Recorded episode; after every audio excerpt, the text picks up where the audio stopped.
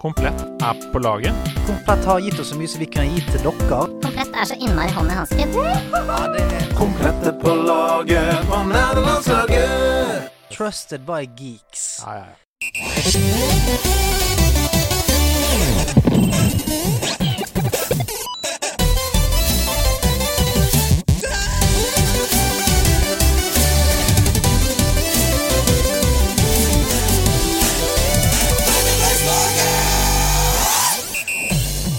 Og der var vi jaggu på plass igjen for å storekose oss noe så gluggete, gluggete gluggesen her i nerdelandslaget. Det er meg, din kjære venn Sebastian Brynestad, og rett overfor meg så sitter han mannen med Hidio Kojima-T-skjorte, rødt hår, lekent smil, briller, headset, skjegg, en klokke som er relativt fin. Det er Andreas Hedemann!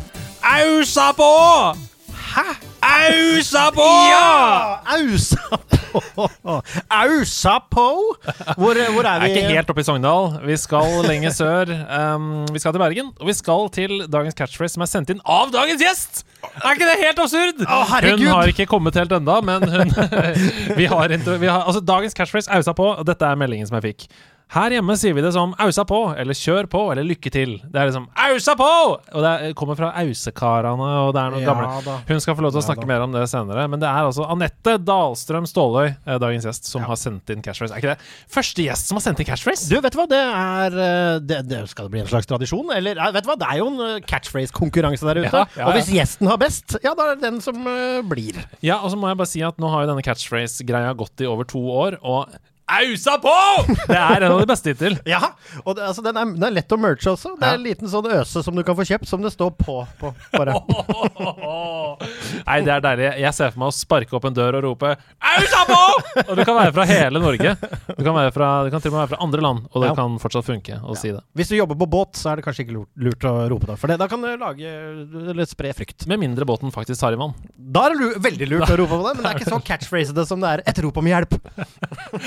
Hvordan går det med deg, Sebastian Trulsrud Brunestad? Du, det går så bra med meg, Andreas Aurelius Hedemann. Jeg har eh, Du vet, det, det er deilig å være tilbake igjen på kontor Ja. og jobbe med de gode, gamle folka og se mennesker på ordentlig. Og, Snakker du nå om nerdelandslaget-innspilling, eller snakker du om jobb? Snakker om begge deler. Åh, ja. Det er klart, men altså, det er deilig at uh, ting går. Men det er mye å gjøre, så det har ikke blitt så mye gaming på meg. Men uh, humøret er godt. Hva med deg sjæl?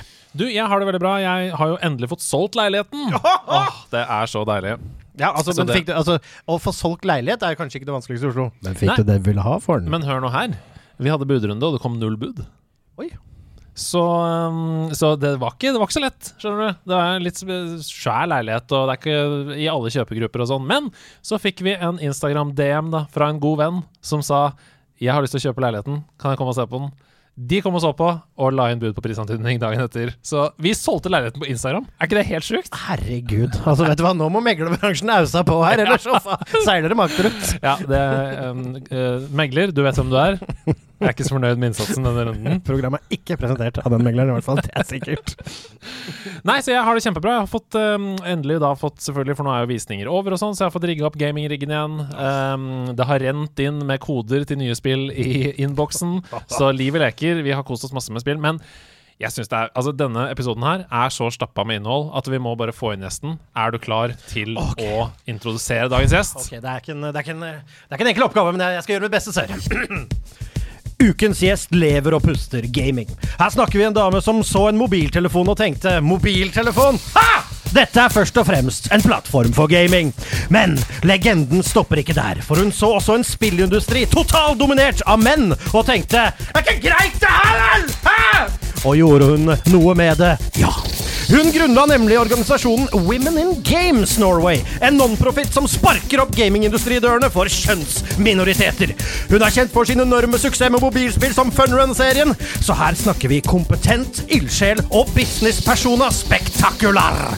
Om jeg sier CMO, sier du Chief Marketing Officer i selskapet Dirty Bit, Anette Dahlstrøm Ståle! Ausa på! Ausa på! Der fikk vi helt korrekt uttale òg. Ja, Det, var ikke- det, var ikke så- det var ikke så skrikete som da jeg kom med den. Nei, vi får se litt seinere utpå kvelden. eh, ja. Her på House of Nurse i Oslo, ditt lokale gamingsted. Og, og jeg en pils og noen thrills. Veldig kjekt å være her. Jeg gledet meg så masse. Som en unge som skal til Disneyland. Det er de beste gjestene. Det er det. Og på, her i helgen så ungene gikk og ventet på middag og ville ha taco. Og da tok jeg meg sjøl i å stå på kjøkkenet og si Ja, mamma skal lage taco til din body, yo! Mora di skal ta og lage taco til din body, Mario! Wow, det er en ekte lytter og en ekte spiller på nederlandslaget som er i studio. Det er fantastisk. Hjertelig velkommen. Det er så gøy å se deg her. Vi har jo prøvd å ha deg som gjest lenge nå, eh, men du bor jo ikke i eh, denne byen. Og det har vært en liten sykdom som har eh, herjet i det ganske land en stund. Ja. Men nå er du her, og jeg har forstått at du har vært på en slags eh, kulturell turné i dag. Ja, jeg, eh, når jeg først fikk komme til nerdelandslaget, så eh, har jeg jo masse fine folk jeg hadde lyst til å treffe når jeg var i Oslo. Så jeg sto tidlig opp og tok fly klokken åtte. Og har ikke flydd på ett år og åtte måneder. Så det var jo som Var å begynne på nytt igjen. En white knuckle ride.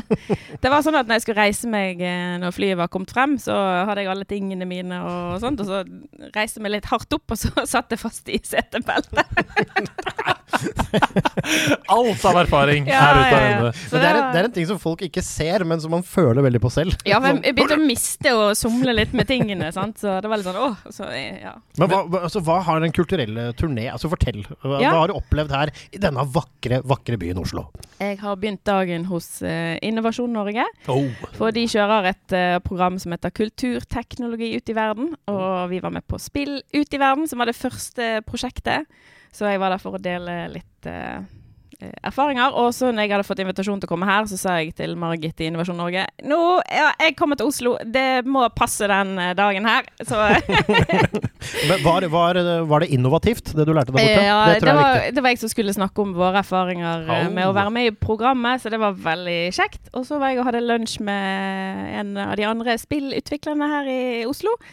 Og så har jeg vært videre på Aker Brygge og hatt kaffe og snakket spill. Og så har jeg vært på Filminstituttet og snakket spill. Eh, så det er så kjekt, for plutselig kommer det masse folk forbi, og så er det så hyggelig. Men du har spart en del spillprat. Du har holdt igjen litt i de andre ja. møtene, ikke sant? Til nå. Ja, ja. Det er ikke så mange der som er interessert i å snakke. Ja, hva spilte du når du var liten, da? Ja, men det får en Segway! Åh, jeg gleder meg! For en Segway. Men aller først, før vi kommer dit, så er vi nødt til å liksom snakke litt om hvem du er. Um, for det er ikke alle som hører på denne podkasten som umiddelbart vet det uh, ved å lese navnet ditt. Um, du er, fortell. Hva, hva, hva gjør du til vanlig? Jeg jobber i et uh, spillteknologiselskap som heter Dirty Bit. Vi er i Bergen ti år i år. Vi skal ha fest og Mm, ha kake. Gratulerer. Eh, og um, jeg jobbet tidligere i, som ja, konsulent i IT-bransjen, helt til jeg plutselig en dag så en stillingsannonse på LinkedIn i spillselskapet Dirty Bit, og jeg visste ikke at vi hadde spillselskap i Bergen. Så det Wow. var jo en sånn once in a lifetime. Så den jobben måtte jeg jo bare søke på med en Mm. gang. Så det gjorde jeg. Har vært i seks år. Og der jobber jeg med marketing, forretningsutvikling. Uh, har vært med siden vi var åtte, og nå er vi 23. Oh. Så det har vært veldig, veldig spennende. Så jeg håper jeg aldri må jobbe med noe annet. For en drøm! Ja. Så deilig. Altså, spillmedie er i utvikling. Der kan du jobbe resten av livet, tenker Ja, jeg. ja, ja. livet, livet. Så det er superkjekt. Ellers har jeg eh, Ja, jeg skal ta den ausa på. Eh, Ja. Min eh, mann, som også jobber med IT på, på dagtid, han spiller i band, han spiller bass, og han spiller nå med Ausekarene. Og der Ja. sier de 'ausa på'! Og det er Tor Endresen og gjengen. Ja. Fortsatt. Er du sammen med Tor Endresen? Nei, det er sjukt. bassisten. Bassisten. Så eh, han, er, han er faktisk på øving nå, og de skal ha premiere på show. Stor fest på lokalet på Riks i Bergen. eh, Ja. Starter på torsdag. Begynner plugginga tidlig, men Ja, eh, jeg, altså, ja, ja. jeg vet ikke om jeg har tid. Men Ja. alle vet jo eh, at hvis man skal falle for noen i band, og bli sammen med noen i band, så er det bassisten du skal gå for, ikke vokalisten. Det er, bassisten er jo den stabile, som holder den jevne rytmen, og som sørger for at livet ditt får en slags solid grunnmur. Det, er jo det. Dette er musikk for mine ører. Jeg er nemlig bassist i bandet Predikant. Rockebandet. Sjekk ut det på Spotify også. Først når vi plugger, da! Hæ? Er du, kan du, er du enig i den teorien? Ja. Det er bra. Da har vi etablert det som en eh, teori. Ja, du preker det koret. Du jobber altså med spill, men Du er jo en spiller sjøl òg. Hvor eh, begynte din spillkarriere? Anette Ståløy. Skal jeg ta med hele navnet? Anette Dahlstrøm Ståløy. Jeg vokste opp i en blokkleilighet på Melkeplassen på Laksevåg. I en tid der det ikke var vanlig å ha verken datamaskin eller spillkonsoll. Eller video. TV-spill het, kalte vi det vel den gangen. Og eh, jeg eh, har forstått at i mange sånne spillhistorier så er det en onkel eh, inne i bildet. Alltid en onkel som har hatt en spillmaskin. Jeg hadde en onkel som hadde da hatt Commodore 16. Oi! Ja, og den var ikke så vanlig. Men så fikk han Commodore 64. Så sånn som jeg husker det, så arvet jeg den eh, 16. Og jeg, var sikkert fem år eller noe sånt. Jeg vet ikke hvordan vi fant ut av det, men meg og Kjersti, barndomsvenninnen, vi spilte. Og eh, det var jo noen eh, Det eneste jeg husker, er Zodiac. Å ja. Ja. Basert på filmen med samme navn? med har Jake Gyllenhaal.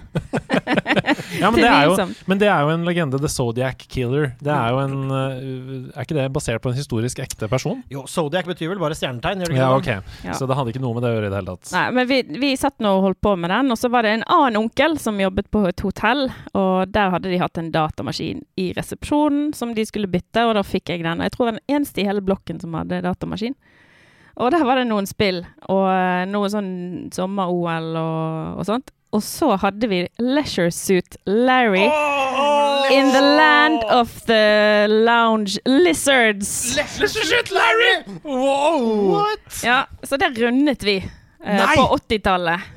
Herre. Eh, og vi, jeg kan ikke forstå Det var jo ikke YouTube og eh, altså, Hvordan i alle dager uh, vi fant ut av det her. Det, det var vel pågangsmot i de point and click-daysa der, var det ikke det? det, Det var jo tekst eh, Det var jo det aller første hvor vi måtte skrive inn oh, tekstkommandoer. Wow! Det er Lounge Lizards, ja. Det er ikke Ja. Det, er ikke, Det var ikke grafikk engang. Altså, det var ikke, du så ikke selveste Jo, vi så, jo, vi så eh, grafikken, men det var sånn jeg, jeg måtte inn på YouTube i går og se om det fantes noe klikk. Og det var sånn når du skal gå opp trappen, som liksom gikk litt opp og litt til siden. Litt opp, litt til siden. Ja, det var ja. Helt Men du måtte Wow. da bruke tekstkommando. Og det var sånn test i starten for å se om du var gammel nok. Eh, sånne vanskelige spørsmål. Men vi førte jo statistikk, sant. Det var, der var det riktig, der var det riktig. Ja, så du Så- bare prøvde på nytt? Ja, helt og dette var jo ikke spill som egnet seg eh, for barn eh, selv på 80-tallet. Nei, fordi hvordan, hvordan var snusken Nei, fordi eh, her? det, det er det neste jeg skal spørre om. Um, uh, Leisure Suit Larry-serien er jo en erotisk spillserie. Det, skal, det, er jo, det er jo erotikk. Men hvor mye erotikk kan du putte inn i pikselert, hvor du må gå opp og til siden og skrive tekst? Det var censored. Å ja, det var, det var til og med censored! Ja, men det var sånn at du skulle opp og eh, inn i baren og opp eh, på, på soverommet der. Da måtte du komme forbi han som sto i vakten, så det var sånn å finne fjernkontroll for å slå på TV-en, sånn at han ble distrahert. Så det, det var eh, Ja. ja. Jeg husker egentlig ikke så mye av det, men det var det vi spilte.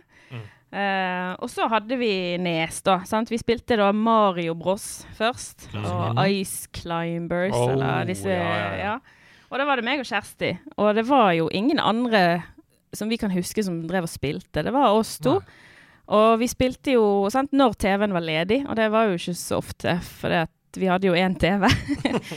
og, eh, så vi spilte på morgenen og om natten. Så når de andre hadde lagt seg, eh, fortsatt i blokkleiligheten, og utrolig nok så fikk vi overnatte hos hverandre liksom hele uken. Så Oi! da snek vi oss ut, og så lå vi på gulvet og spilte eh, Mario. Og min mor har fortalt at hun fant oss eh, av og til sovende på gulvet foran Wow. Nintendo. Det var jo, vi kunne jo ikke lagre, sant? så det var jo å trykke på pause. Så det var mye gode minner. Og vi spilte så mye at jeg husker når vi så på TV, så så jeg for meg Mario innimellom teksten. sant? Så det var, eh, det var eh, fine, fine tider, altså. Så, Når du sier det, altså un i underteksten, Ja. og at liksom én var f.eks. en plattform som du kunne hoppe opp på og sånn ja, om hoppe mellom og ja. Jeg husker det. Jeg, da, jeg gjorde det sjøl. Ja. Jeg husker det sjøl, at, jeg- at jeg så på teksten og tenkte jeg kan hoppe derfra til der, så kan jeg slenge meg i T-en, og så kan jeg hoppe videre. ja.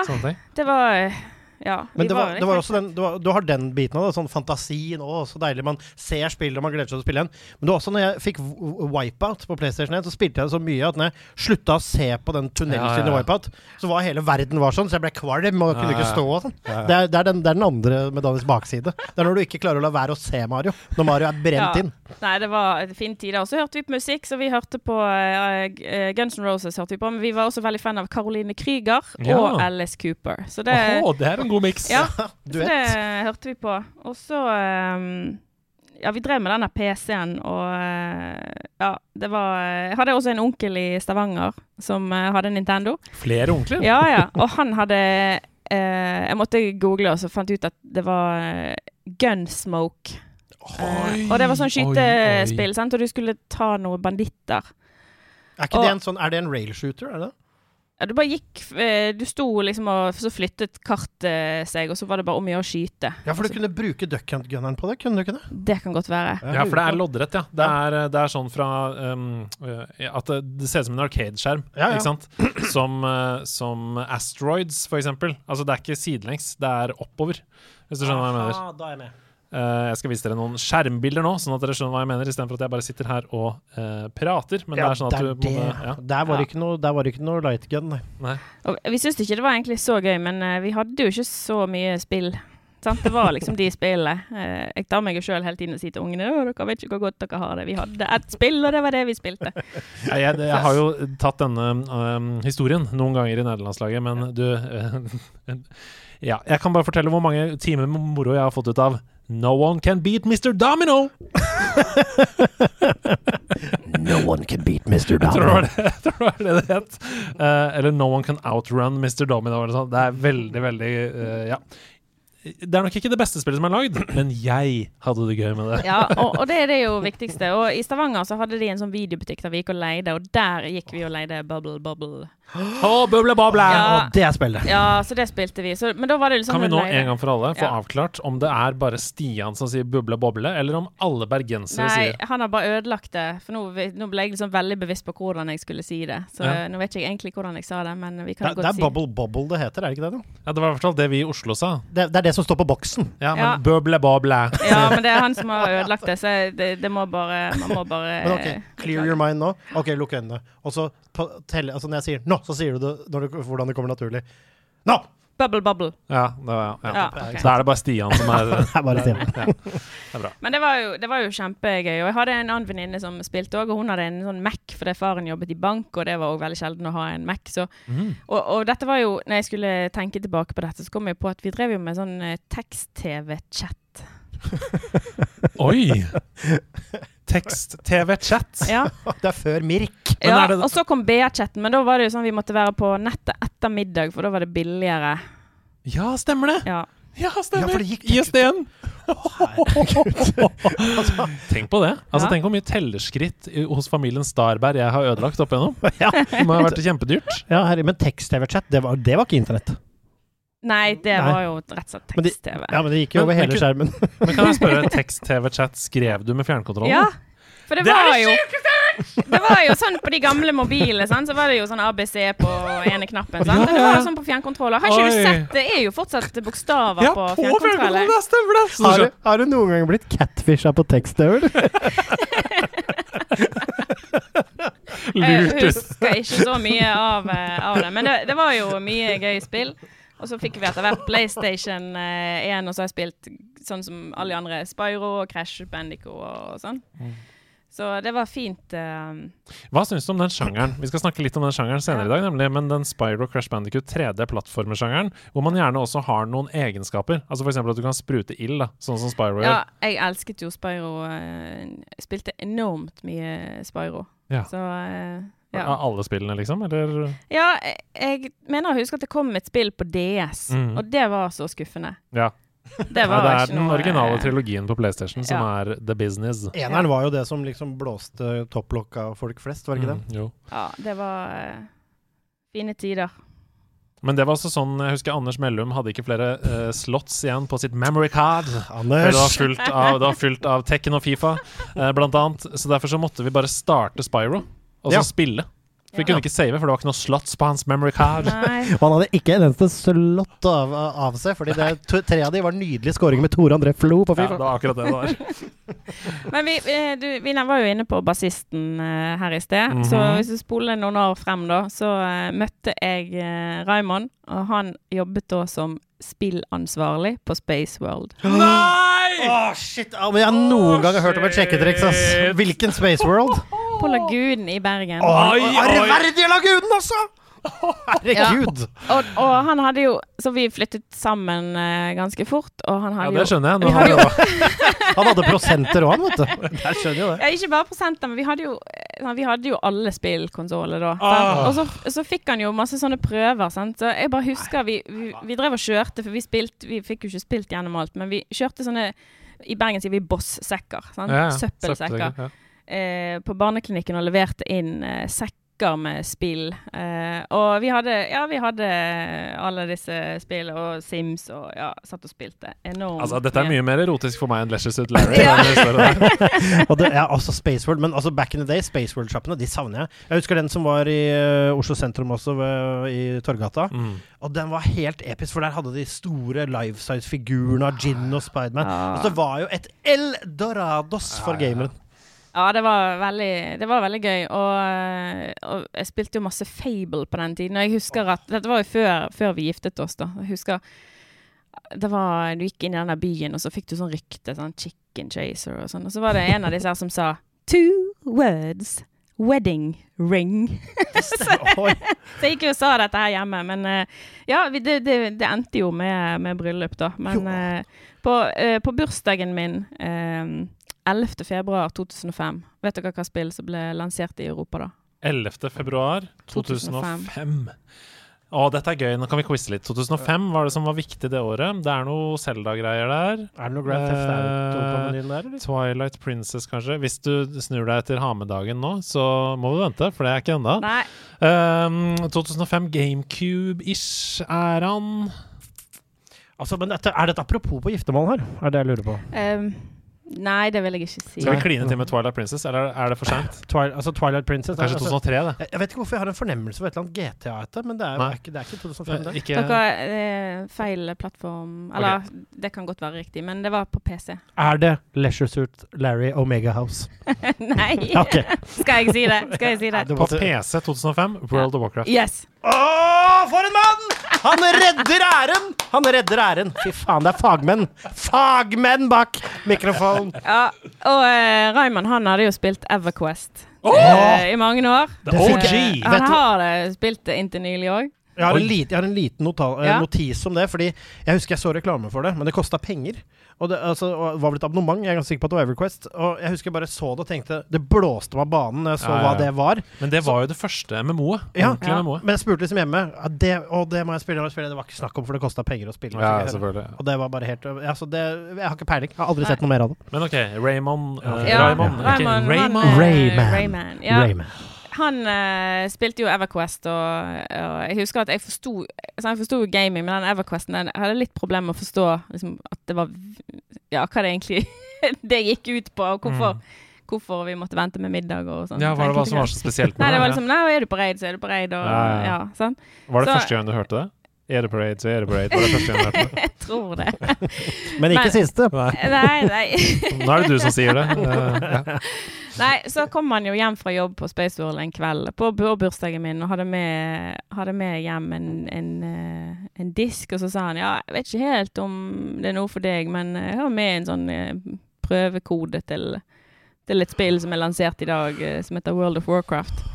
Så fyrte jeg i gang PC-en og begynte å spille, og da var det jo gjort. Sant? Og alle de andre konsollene de måtte eh, vente. Og vi spilte hele tiden, dag og natt, og eh, etter ti dager så gikk denne prøvekoden ut. Å. Og da sto det Nå må du liksom ha det ekte spillet. Ellers får du ikke spille. Og panikken eh, bredde seg. Og det var utsolgt i hele Norge. Å ja, du måtte jo ha på disk, sånn- selvfølgelig. Hva, hva skal vi gjøre? Vi prøvde å sjekke, ringte rundt i butikker. Så klarte han å få tak i én disk, da. Så jeg fikk fortsette å spille. Og vi spilte Jeg spilte til 2010. Da fikk vi vårt første barn. Og eh, jeg ga meg litt før han var født. For da, eh, da husker jeg Jeg hadde en sånn sjeselong fra Ikea. Og jeg var sykemeldt eh, ganske lenge i det svangerskapet. Og da lå jeg og spilte Guitar Hero hver eneste dag. På sjeselongen? På sjeselongen. Wow. Så da, men da var altså eh, World of Warcraft-karrieren over. Det står jo en fire-fem Ja, så det. Hero-gitarer her. Får du noen gode minner, eller var det Ja, ja. sykemeldingen? Var Det var noen som dro på, en sånn lønningspils her på kontoret. Så var det noen som hadde med Band Hero, eller hva, Mhm, heter, hva det het. mhm. Og da var det jo bare frem og, og brife med Eh, Man husker jo en del av det. Kan du, er du sånn som i South Park-episoden hvor du spiller en del, du bare øver på låter uten å ha spillet på, for du kan de så godt? Ja, det er litt den følelsen at du kan k- øh, Ja, kunne huske det. Men jeg husker før jeg spilte Du kunne jo opp, låse opp karakterer. Så jeg husker jeg, klarte å låse opp uh, Mr. øh, Nå fikk jeg helt sånn hjernefrys. Men slash, slush, ja, ja, slash. slash, Ja, ja, ja. slash, ja. Ja. Mm. Så det, og jeg hadde jo vokst opp med Kjersti med Gunsen, så det var Ja, jo ja, på en ja. måte høydepunktet. Så øh, ja, så det var Men, spør, men spørsmål, nå, altså etter så mange år med World of Warcraft, hvordan var det? altså Slutta du cold turkey, liksom? Altså Hvordan var det når den biten av livet liksom var borte? Ja, jeg bare skjønte at uh, nå Det går ikke an å holde på med Jeg kan ikke spille bare litt Nei, World of For det er det som er problemet. ikke Ja. sant? Det er jo et, eh, det er jo et um, Hvis du spiller World of Warcraft, så er det Ja. det du spiller. Ja. på en måte. Uh, og det vet jo Stian også, for i perioder så spiller han det veldig mye, og da spiller han jo ikke noe annet. Fordi det er, det er ikke noe vits å spille litt, for du får ikke noe ut av det. Nei. Du må spille masse for å få de tingene du trenger, og hente det gearet du må ha, og, alle de tingene, og være raid-klar, ikke minst. Det er som Destiny. Destiny 2. Hvis du, hvis du har ambisjoner om å spille raid sammen med fem venner der, så er det ikke noe vits å spille Destiny 2 litt. Nei, nei, nei. Da må, da må du spille det. du må opp i taua, ja, men altså, samtidig så kan du spille Destiny litt. Fordi der er det jo sånn Kan stikke ut og ta noen morsomme ting med noen kompiser Ja, ja. og spille PVP. Hvis du har lyst til å spille PVP i Destiny 2, så kan du spille det. Men hvis du har sant, ambisjoner om å spille raid, så Ja. må du spille mye. Og det samme er jo med, med WoW. Du kan spille PVP, liksom, hvis du vil. Men hvis du har ambisjoner, ikke sant. Og så videre. Eh, men la oss spole litt tilbake, for jeg har bare lyst til å spørre Husker du den første karakteren du lagde? Ja, det var en uh, paladin som het Pella. Pella? Pella the Paladin. Jeg, jeg tror iallfall uh, at Du, det altså, var den første. Du bare, altså, når, når du var name for character, så du bare tok du bort de tre siste bokstavene i Paladin. Jeg har alltid vært så utrolig dårlig å finne på sånn uh, game. Mage, the mage. Ja. Ja. Så eh, Nei, jeg, jeg mener det var den eh, Paladin. Og, for jeg likte uh, aller best å spille alene og queste. Mm. Så da var det veldig greit å ha en eh, Paladin. For da kunne man liksom klare seg ganske greit. Hvor gikk det videre herfra, da? 2010, du har fått barn, du har spilt Guitar Hero på sjeselongen. Ja. Hva nå? Verden lurer. ja, det var jo det noen år der med babytid, og jeg, kan ikke huske om vi spilte Spilte sikkert litt mobilspill eh. Nei, det var kanskje før vi fikk sånne fancy mobiler. Vi hadde sikkert Snake og jeg vet ikke. Ja, Det er 2010. Altså, jeg, um, jeg fikk Altså, første iPhone kom i 2007.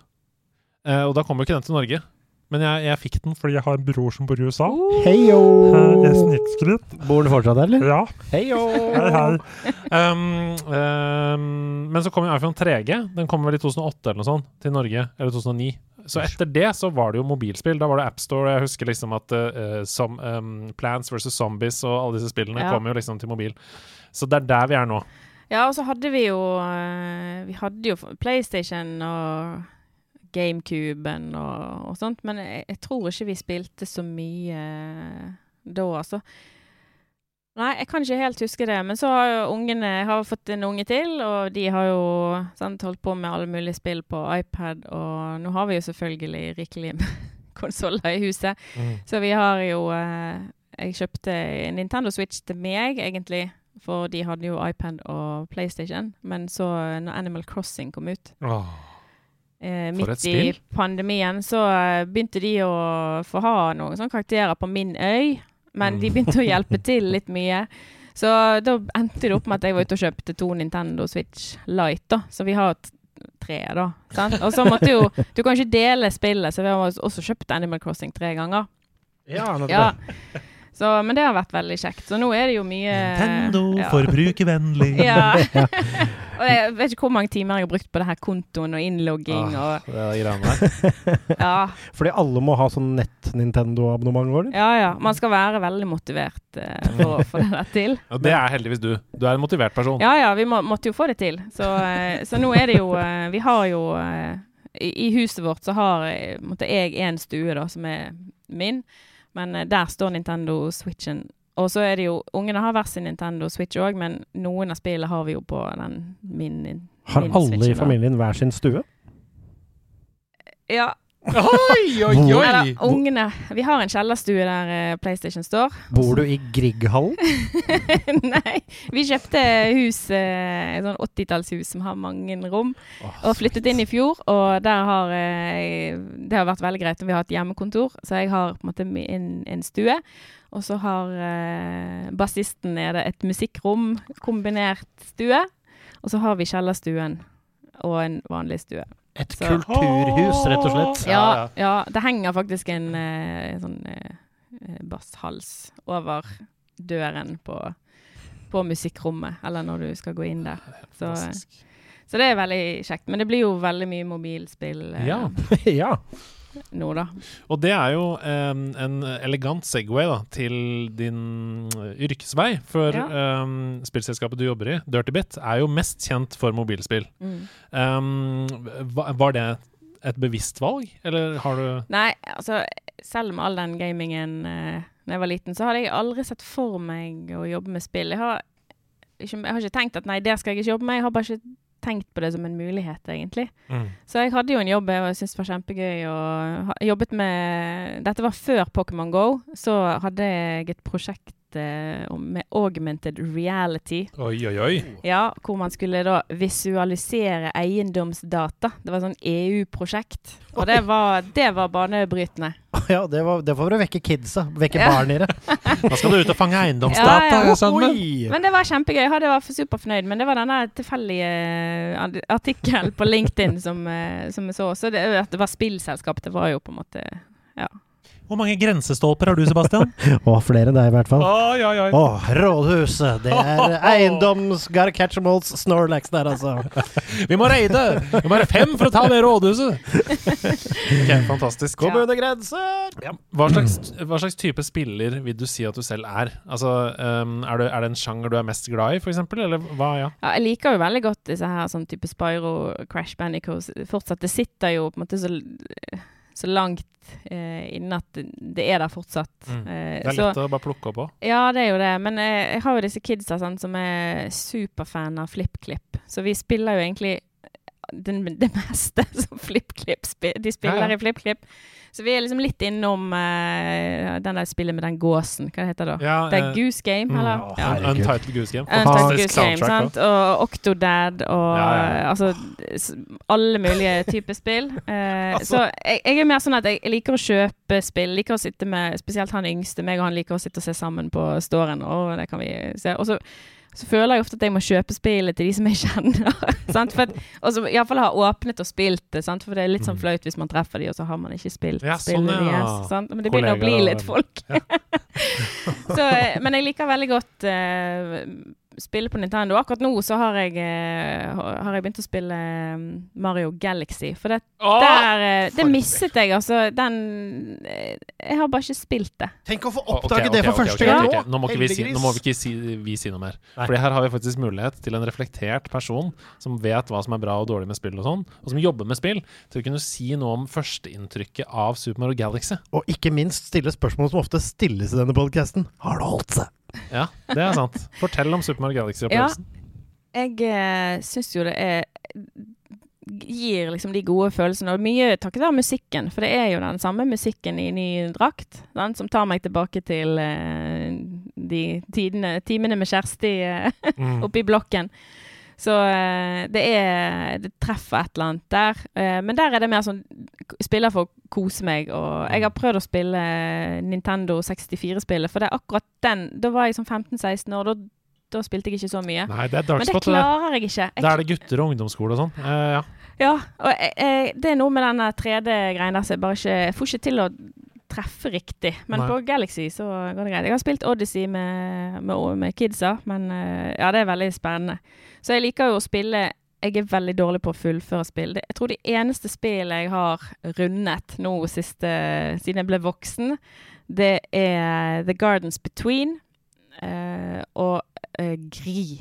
Ja, Gri! Det spilte vi også på 50-timers-streamen til Inntekt for Mental Helse Ungdom. Ja. Det er et vakkert spill. Så ellers er det jo påbegynt sånn mange, mange, mange, mange, mange, mange spill. Uh, og når jeg spiller på mobil, så eh, da blir man blir jo litt sånn uh, i jobbmodus stort sett. Uh, kan bli skikkelig hektet, sånn som jeg har vært nå på et spill som heter Clash Quest. Som Oi, jeg egentlig oi, ikke liker lenger, men jeg bare klarer ikke å stoppe. Alle mobilspill i ett spill. Ja. Altså, det, altså, er det sånn at mikrotransaksjonene bare tyter av det spillet, eller? Nei da, nei da. Det, det, det er måtehold, vil jeg si. Ja, men, uh, eh, eh, men det som skjer med hjernen min når jeg uh, går i AppStore, da, det er at jeg begynner å se ah, her var screenshots. eh, vertikale screenshots, ja. Og her er de subtitle. Eh, call to actions her, og så begynner jeg å, så laster jeg ned, og så begynner jeg å se Å ja, her fikk jeg den uh, sånn pol privacy policy pop-up. Den har de valgt å gjøre sånn. Og så er jeg liksom allerede ah, er, der. ja. På jobb, vet du. Og, og, men jeg syns jo det er gøy. Sant? Tar gjerne screenshot. 'Å, det her var litt artig at de spør etter deler du med folk på Vi har en Slack-gruppe Ah! hvor vi deler litt, litt ting vi oppdager. Så, men det er veldig gøy. Men det er innimellom noen sånne spill som bare som går forbi den der fornuften og bare er helt hektet. uten at Sånn som nå, Jeg liker ikke spillet lenger engang. Jeg liker ikke gameplay. Jeg har kommet helt til slutten. Det er et spill som er i soft launch, så jeg vet ikke om det kommer noen updates. Men bare klarer ikke å stoppe. Må inn hver Wow. dag. Ja. Wow. Men ok, dette er litt interessant. Er, hva, er det som, hva er det med spillmediet som trigger noe i deg? Hva er det du liker så godt med spillmediet? Jeg liker å samle alt. Eller fullføre alt. Sånn, finne alle stjernene på, Ja. på brettet. Og jeg, jeg merker det at jeg har prøvd å spille sånn Horizon Zero Dawn. Eh, prøvde jeg å spille, men jeg, blir, jeg klarer liksom ikke å gå videre, for jeg må sjekke alle hjørnene for å se om det er noe der jeg må finne, eller ja. Men er det, det, så det er ikke en god følelse, det er en tvangstanke, liksom? Ja, det kan godt være. Ellers så bare syns jeg det er så gøy. Eh, ikke. Liker å samle og fullføre. Sånn som nå mangler, mangler fem kister av 600 På, på Clash. på Clash Quest. Wow. Og det er helt umulig. Jeg har, jeg har stått fast i flere uker. Og de kan være hvor som helst, eller? Nei da, det, det er Du må liksom naile det brettet for å få eh, den siste kisten der. Men Ja, eh, for det er sånn tre av tre kister per brett. Sånn som Angry Birds. Ja, at du får tre nei.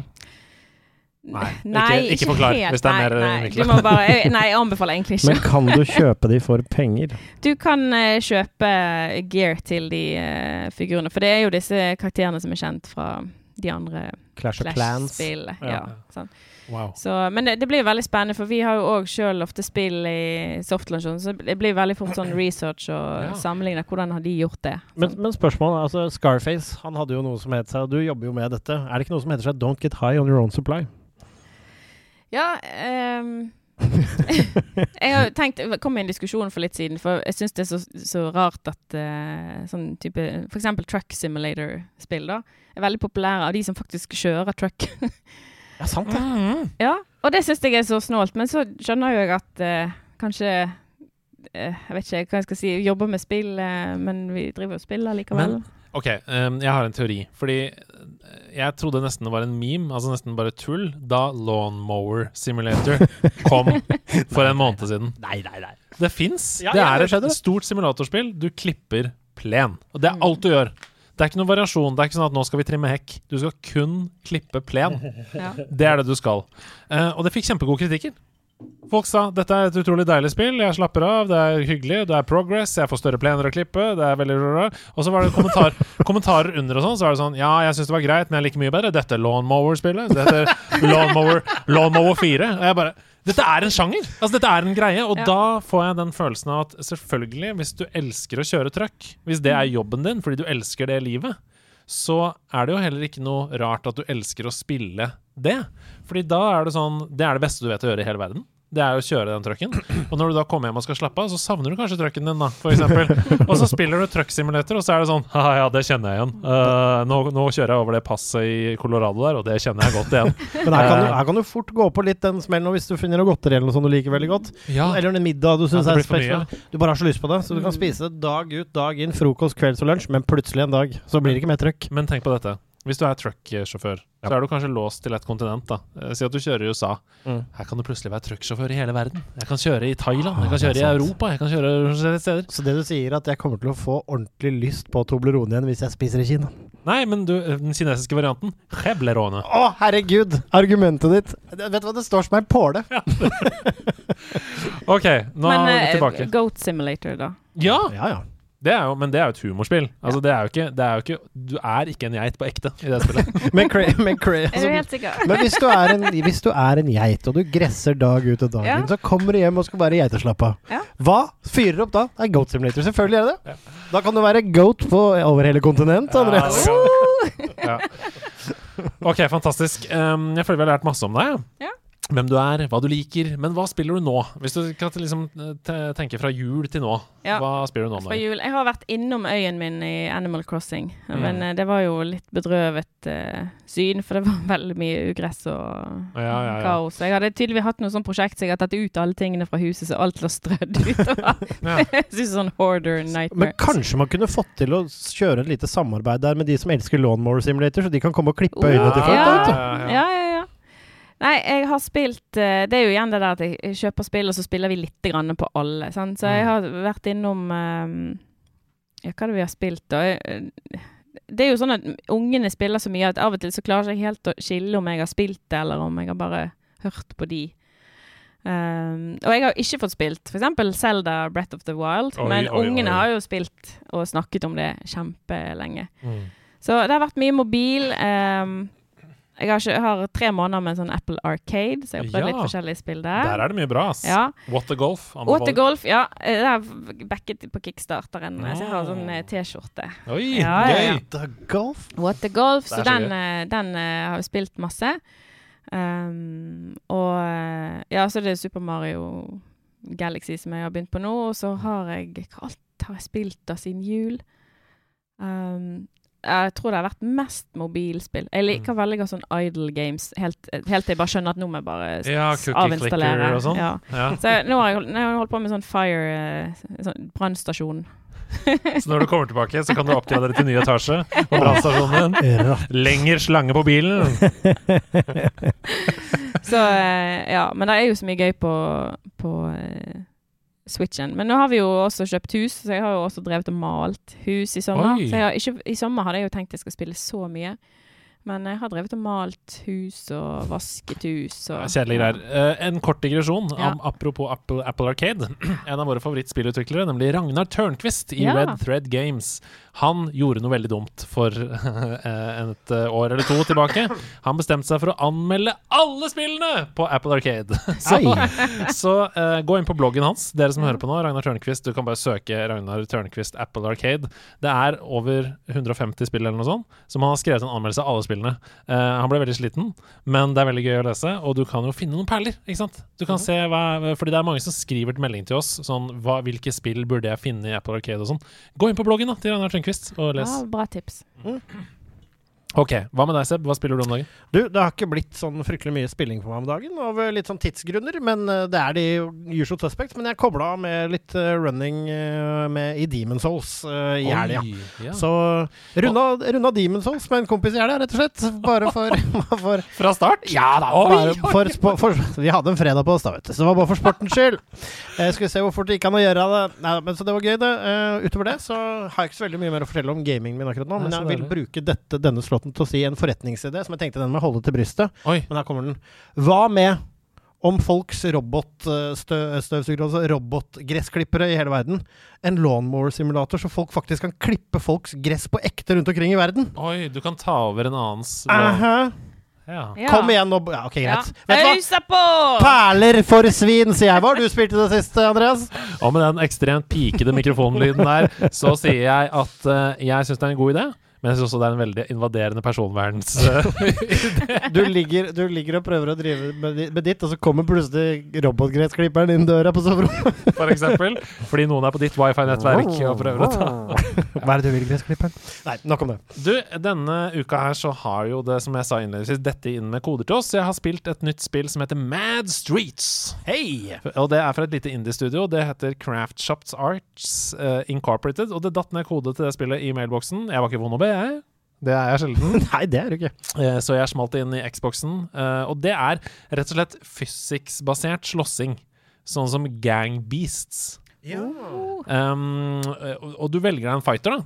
Og så dundrer du løs på hverandre med spagettikropper, rett og slett. og det er liksom sånn Du, du kan ta tak i folk, og da rister du rundt og er slenger rundt sånn. Ja. Eh, og jeg spilte alene, og det var ganske kjedelig. Det kan jeg tro på. Men hva er det sånn multiplayer-opplegg? Ja, for det er det der. Jeg tror det kan være skikkelig gøy sammen med venner. Jeg ser for meg, fordi Du kan spille fire stykker lokalt, du kan spille online mot andre og sånn.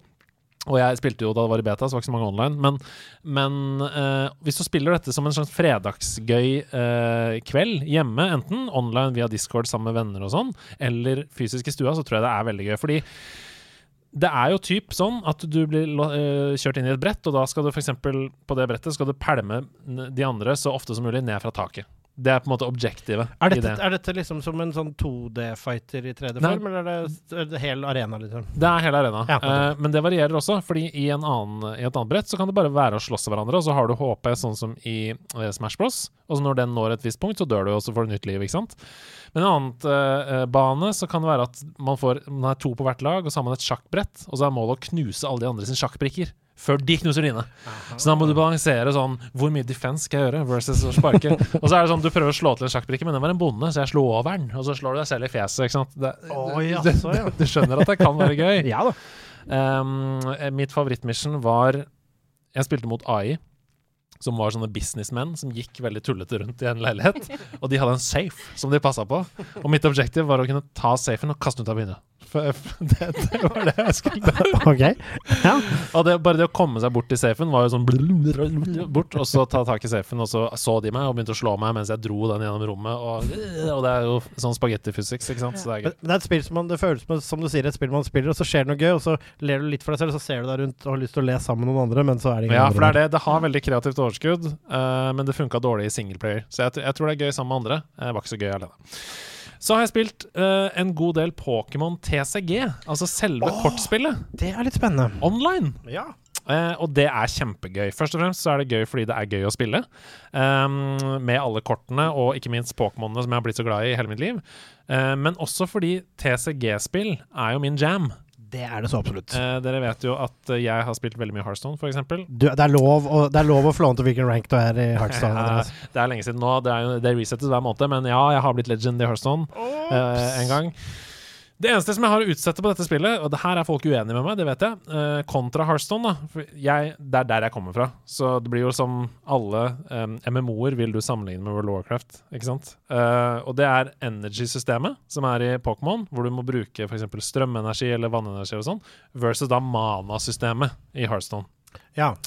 For jeg opplever, i hvert fall nå i begynnelsen, mens jeg spiller, at man kan sitte stuck en stund uten å kunne gjøre noe særlig. Fordi man bare venter på å trekke energy. Ja, ja. Men det er jo litt sånn hvordan du bygger dekk, da. Ja, det er absolutt, men Ja. uh, dette er i starten, ikke sant? så jeg kan jo ikke bygge dekk. Så jeg bruker de dekkene jeg får oh, ja. um, fra spillet. Uh, og jeg, jeg skjønner at, uh, jeg skjønner at etter hvert så bygger man på elitenivå og sånn, så er det jo bare kort som på en måte sjøfler dekket hele tiden. Det, det vet jeg jo at det er sånn det er. Men for meg som ikke kan alle kortene og har ikke innsikt og sånn, så blir jeg liksom sittende med hendene i fanget og vente. Mens i Hearthstone så får du jo en ny mana hver runde automatisk.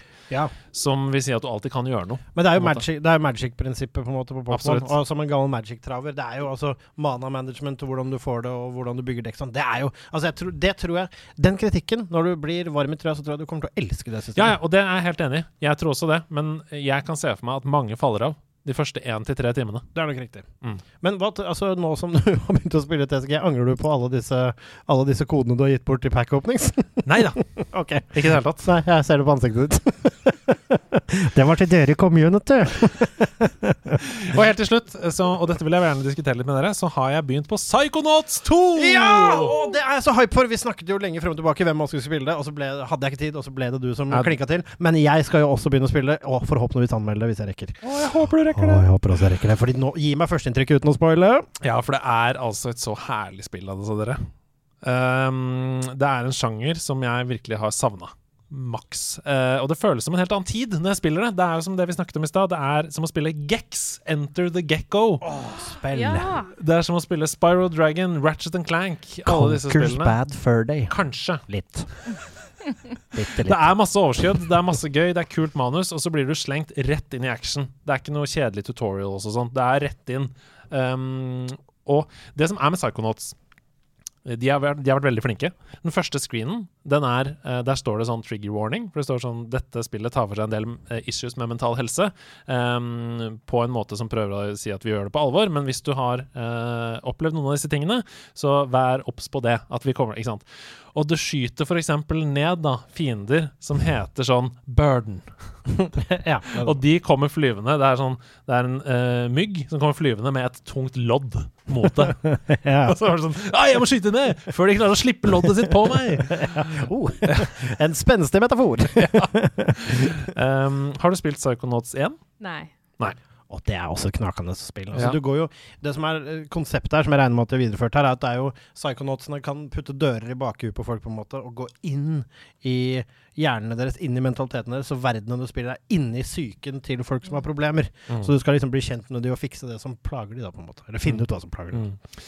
Og det er jo basically Inception her. Uh, uten å spoile noe særlig, så er jo det første Du blir kasta rett inn i psyken til en person. Det er det første som skjer. Um, og det er bare kjempegøy. Uh, jeg har spilt det bare i to-tre timer, så jeg kan ikke liksom si at det er et veldig veldig bra spill, for det vet jeg ikke ennå. Vet du noe hvor langt det er? Jeg aner ikke. Nei, ikke. Eh, og det har jeg liksom I det siste så har jeg tatt meg selv i at jeg vil ikke finne ut av det. Jeg vil ikke google sånn 'how long to beat' og sånn, Fordi det er ikke det som er poenget med å spille spill. Nei da, men noen ganger i profesjonelt øyemed så er det litt lurt å sjekke. ja. Nei, men uh, førsteinntrykket veldig, veldig godt. Jeg gleder meg til vi skal tilbake til det. Er, Konge. Er, er det noen som har lyst til å legge til noe mer der, eller? Det er altså ikke noe, ikke noe annet enn at dette er koselig, og la oss komme oss videre. Det er Støtter det. Støtter den? Ha med, ha med dag, hey, hey. Ha med, ha med dag! Ha med ting etter ditt behag, for det er ha med dag. Og du tar fram en pose der som ser ut som en Marius-genser. Men det er det ikke når jeg lener meg litt nærmere og ser, for det er Space Invaders! Ja, det er Space Invaders! Ja, det er Space Invaders! På den der veska, det er Space Invaders! Og hva har du mer her? Anette Dahlstrøm Ståløy har dratt fra Bergen, hun. Bergen. Hun har en veske som har Space Invaders, det er ikke en hund. Ikke en nei. Men hva har hun oppi veska si? Det blir spennende å se. Jeg gleder meg til å få se det. Hva er det jeg har med dag. Så gøy. Det ja. Vi er bare tre i studio. så applausen lar vente på seg. Jeg, eh, Koronaapplaus. jeg, jeg, jeg hørte den episoden hvor det var noen som eh, trodde at de var nødt til å gi vekk ha med dagen. Å, det var så Men jeg, jeg er sånn som ikke klarer å velge. Så jeg, først så Jeg har tatt med noen gaver. Så jeg har Nei! noen T-skjorter. Du har gaver til oss! Ja, Hva er dette for noe nytt som har skjedd på ha-med-dagen? Ja, så det er T-skjorter. Så har jeg noen klistremerker. Okay, vi må er- beskrive. Det sånn er, altså blå, grønn og rød T-skjorte som kommer opp på bordet her i ganske friske farger. Du vet hva? Spreke, som eh, min bestemor ville sagt. Hvilken farge vil du ha? Sebastian? Jeg liker alltid best rød, ja. Ja, da får du rød. Men først og fremst liker jeg XL. Å, herregud. Det er altså en logo. Det er Dirtybit-logoen. Ja, og her er det litt sånn snikreklame. Her er det klistremerker. Den er ballefet! Og den er XL! Jeg er den lykkeligste gutten. Ja. Deilig. Oi, klistremerker! Fun Åh. Run! Fun Run 4. Ja, det er kommet oh, ganske nylig, det. Fun Run Ja, det, det må vi snakke om etterpå, tror jeg. Oh, Åh, ok. Men så eh, For har- en, altså, bare, bare for å si det. Presanger for en start på ammedagen. Så Klistremerker og jeg, had, T-skjorter. jeg hadde jo tenkt ut hva jeg skulle ta med, og da måtte jeg inn i boden. Eh, og det, du vet jo, dere vet jo når man skal lete etter noe, så er det alltid det siste stedet. Og så sier Ja, alltid ja, ja. noen sånne kjedelige voksne sier, ja, men det er jo fordi at du slutter å lete etter du har funnet det. Men sant, noen ganger er det faktisk den innerste, underste boksen. Helt klart. Og vi har jo hundrevis av CD-er som vi ikke har klart å kvitte oss med. Så de står jo i sånne plastkasser. Oi. Og i den nederste så skulle jeg finne noe. Og på veien dit så fant jeg eh, den disken, World of Warcraft. Oi! Er det Eh, den selve demodisken? Nei. dette er den ekte som vi da måtte få tak i Wow. ti dager etter. Å, herregud. Så, den, men det, så tenkte jeg jeg skal ikke spørre om jeg kan ha flere ting, for da er det bedre bare gjøre det. Ja, ja, ja. Men jeg, nå har jeg da to ting, og det henger, henger litt grann sammen. For den um, datamaskinen som jeg hadde den gangen i blokken på Melkeplassen, Mhm. da uh, var jeg, uh, fikk jeg min første jobb. Og det okay. var å skrive inn på data. Oppgaven til naboen som studerte noe sånn helsefaglig. Å ja, så du var sekretær? Ja, jeg var sånn skrivestue. For man hadde skrivestuer da. Altså, høres ut som jeg er 90 år. Men var, eh, ja, for det var det jeg skulle spørre. Var naboen din en 1800-tallslege som sa 'nu vel, mitt skriveri', og så gikk han og så ut vinduet og røkte pipe mens du skrev? Ja, nei, Vi hadde en nabo i blokken som het Anita, og hun studerte. Og hun skulle altså levere inn den, sikkert den avsluttende oppgaven Mm. sin. Skriv når jeg snakker, Anette. Ja, nei, hun hadde skrevet på ark. Og, men jeg var veldig god til å skrive. Eh, sikkert fordi jeg hadde fått en datamaskin. Så jeg eh, rettskrev òg. Hvilket medie er dette? Ja, dette Det er er, en altså floppy disk. en floppy disk. Det er floppy! 311, nei. Her står det altså eh, med eh, ganske voksen skrift for en tolvåring, syns jeg. Du kan få lese. Her, altså, åh, nå, nå må jeg bare gjøre én ting, for det gjorde jeg alltid da jeg var liten. Å, flippe, å, flippe på flappen! Å, flippe på Må ikke floppy-flappen. låse den, da. Floppy-flappen. Ja, du, å flippe på floppy-flappen var jo noe av det beste å drive med før. Ok, det står her Pleieplan for pasient ved karkirurgisk avdeling 26.11.93 Anita Ikke kanskje etternavn Andreårsenhet Pleieplan for pasient ved karkirurgisk avdeling Det er Ja. det du som har skrevet Ja, og jeg har Jeg må bare flippe litt på flappen Flipp på floppen litt. grann. Ok, ikke flipp med på floppen, for du kan flippe så, det flopper aldri igjen. Eh, det, er, det var veldig gøy. Men jeg fikk en jobb Jeg, jeg fikk ganske godt betalt. Jeg mener husker at jeg fikk 1000 kroner, men det, det kan jo ikke I stemme. 93? Det er Eh, mye det, er jo, litt i det, altså, ja. det føltes nok som 1000 kroner. ja, det, Jeg tror det var det som har finansiert eh, spill, kanskje. Altså, det du egentlig fikk, var å beholde disketten, si. Nei, du fikk aldri jeg fikk disketten. penger. Jeg fikk penger. Men eh, det som jeg gjorde, var at jeg skrev inn eh, alle arkene hun hadde på dataen, og så lagde, lagret jeg Jeg har tydeligvis tatt en eh, kopi til meg sjøl. Det har du. og så printet jeg. hadde sånn matriseskriver, så printet jeg ut oppgaven. Og den satt jeg og skrev på, så det var min aller første jobb.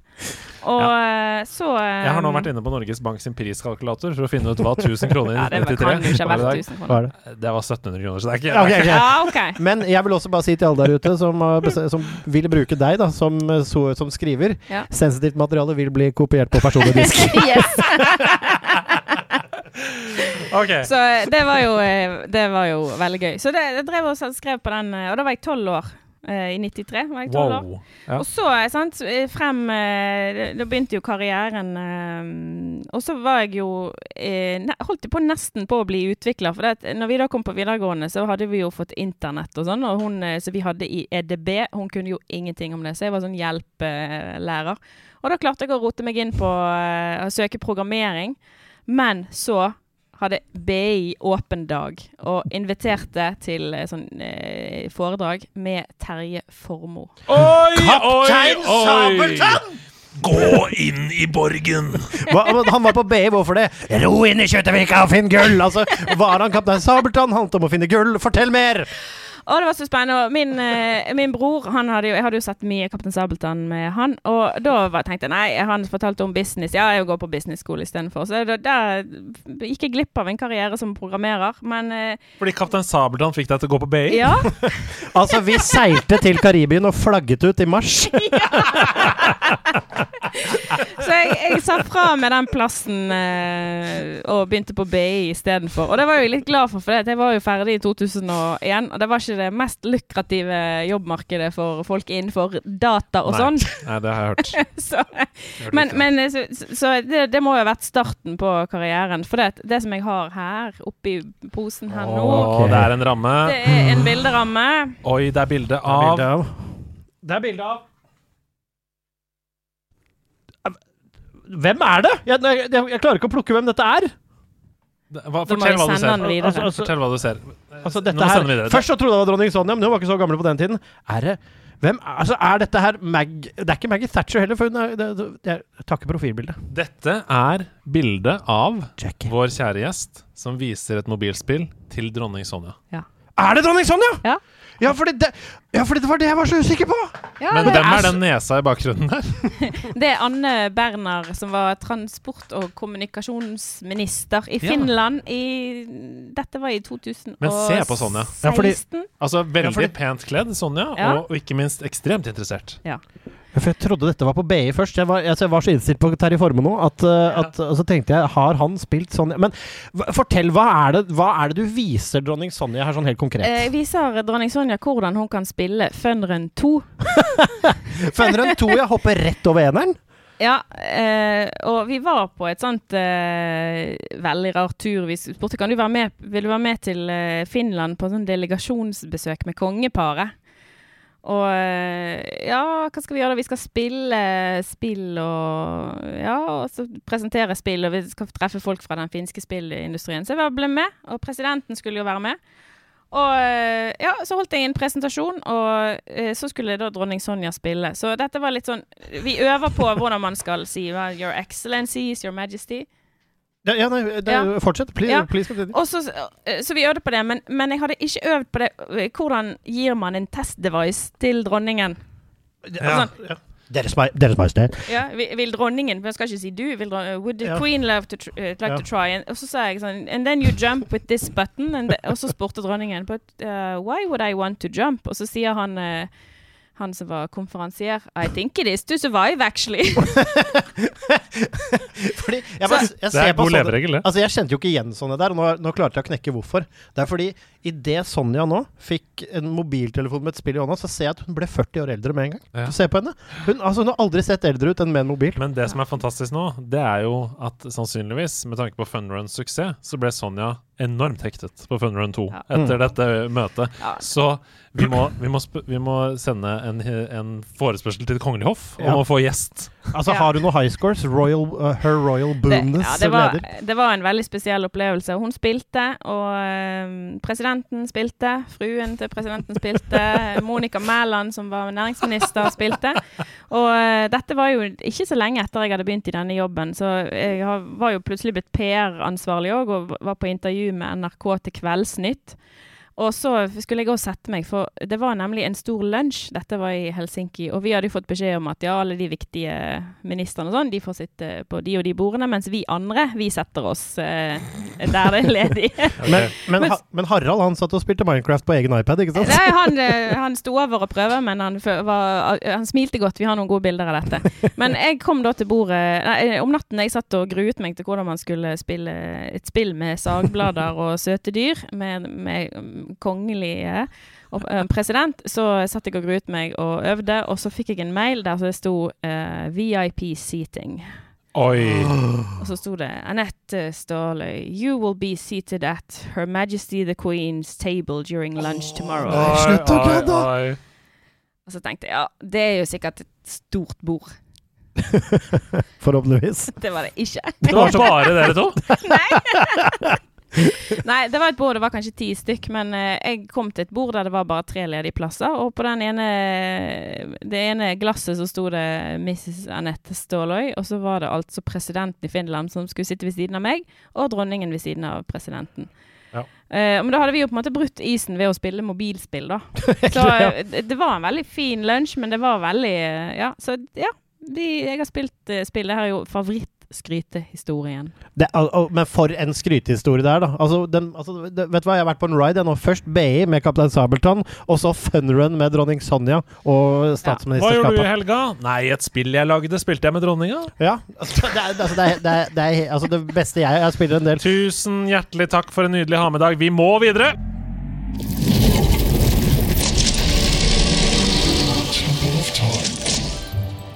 Vi er dypt inne i Temple of Time allerede. Dere hørte at eh, dørene gikk opp i denne hulen som er Temple of Time. Og i Temple of Time så tar jo gjesten med seg tittelen på et spill som vedkommende avslører da, for en av oss programledere. On the spot så har programlederen 60 sekunder til å fortelle så mye hard fakta om dette spillet som mulig. De to andre de gir da 1-100 sandkorn basert på denne opptredenen. Og ved slutten av sesongen så feirer vi den programlederen som har høyest gjennomsnittlig antall sandkorn i timeglasset sitt. For vedkommende har mestret Temple of Time. Nå er det konkurranse. Nå begynner den delen av programmet. Ja, ja, ja. Og Anette, hvem er det du skal utfordre i dag? Jeg skal utfordre deg, Andreas. Å, jeg er så lettet! Jeg er så lettet! Og vet du hva, da tar jeg over en naturlig programlederrolle mens han nå tørker svetten fra pannen, fordi han skal jo nå selvfølgelig få lov til i løpet av denne tidsfristen å beskrive programmet, som tidligere sagt, og hvilket Altså, du må jo sette på musikk, selvfølgelig, men hvilket eh, hva, hva er det han skal gjennom her? Ja. Jeg lurte jo først på om jeg skulle ta den der Larry Lesher Suite, men så tenkte jeg nei, det blir for drøyt eh, å skulle Nei. Men eh, du skal altså få forklare Er du klar? Ja. Manuel Samuel.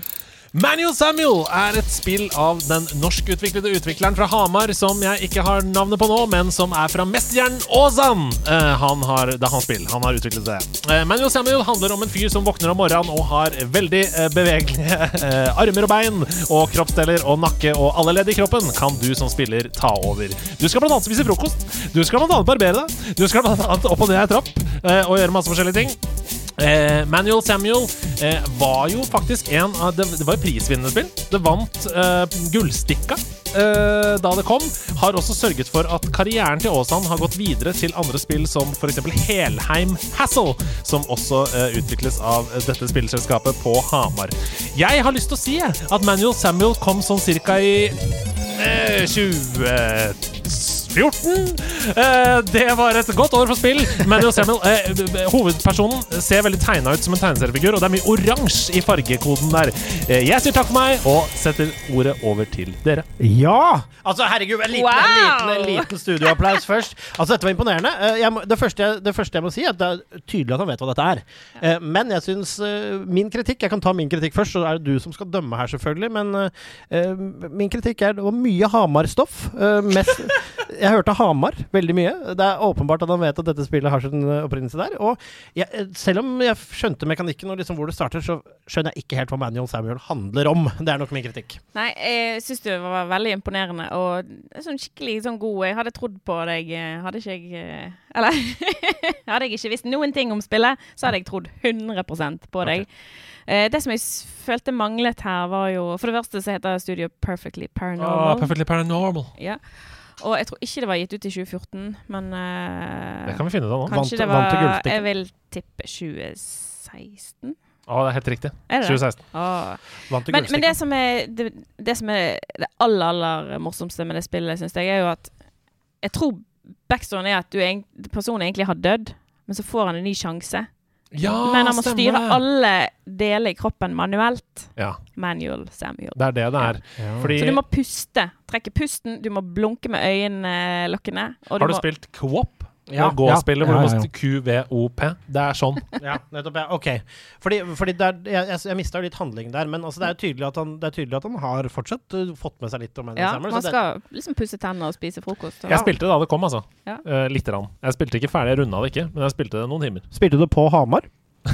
Det er ikke, jeg spilte på Skøyenåsen. Eh, Men ja, fordi det jeg lurer på er Er det mye oransje i fargekoden, eller er det bare bløff? Ja jeg, jeg, ja, jeg ser hva du mener, men det kan jo òg være at han er veldig oransje i fjeset hvis du har da sluttet å ikke pustet nok og ikke blunket nok. For du må også blunke, for ellers blir øynene veldig såre. Ja, Og, hvis de, og du må puste, og så Ah, den får du for! Den Ja, må være ja, innafor! ja, ja. Ja, Ja, ja, ja, Men det er coveret du tenker på da.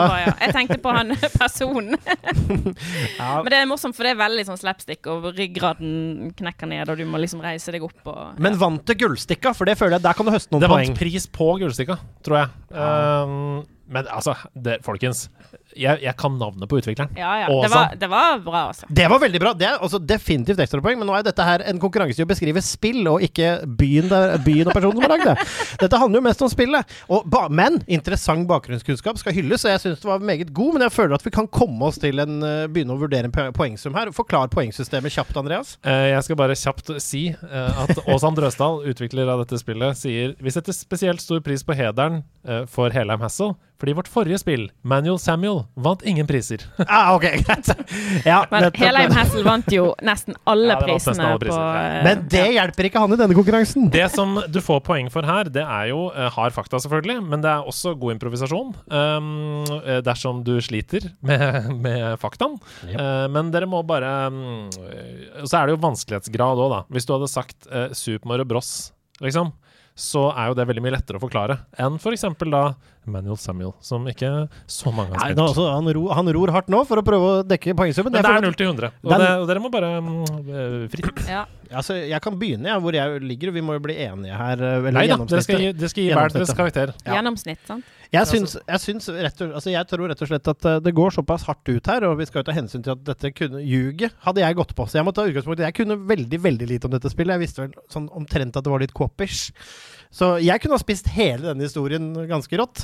Men det ble for mye Hamar-stoff, så den trekkes ned. Men jeg lander faktisk på en 75, altså. eh, For jeg syns det er såpass interessant. Ja, jeg har syns at det var en utrolig bra pitch. Det var jo eh, Tenk om alle spillanmeldelser var så kjappe og eh, to the point, med en sånn flott radiostemme. Veldig bra. Jeg eh, Ja, jeg eh, smeller til med 79. Oh, det er hyggelig. 75 pluss 79. Jeg merker nå at vi var for rause med Stian sin Kellogg's Adventure i første program, som kanskje blir det høyeste scoren gjennom hele Men, men ikke, Eh, si ikke det, altså, fordi den var imponerende. Og det er, det, er, det er kunnskap å ha i banken, altså. Men vi ender altså på gjennomsnittet 77 av 100. det er hederlig! Ja da, jeg tar det, jeg, altså. Ja, ja, ja, jeg er kjempefornøyd, jeg. OK, vi går videre.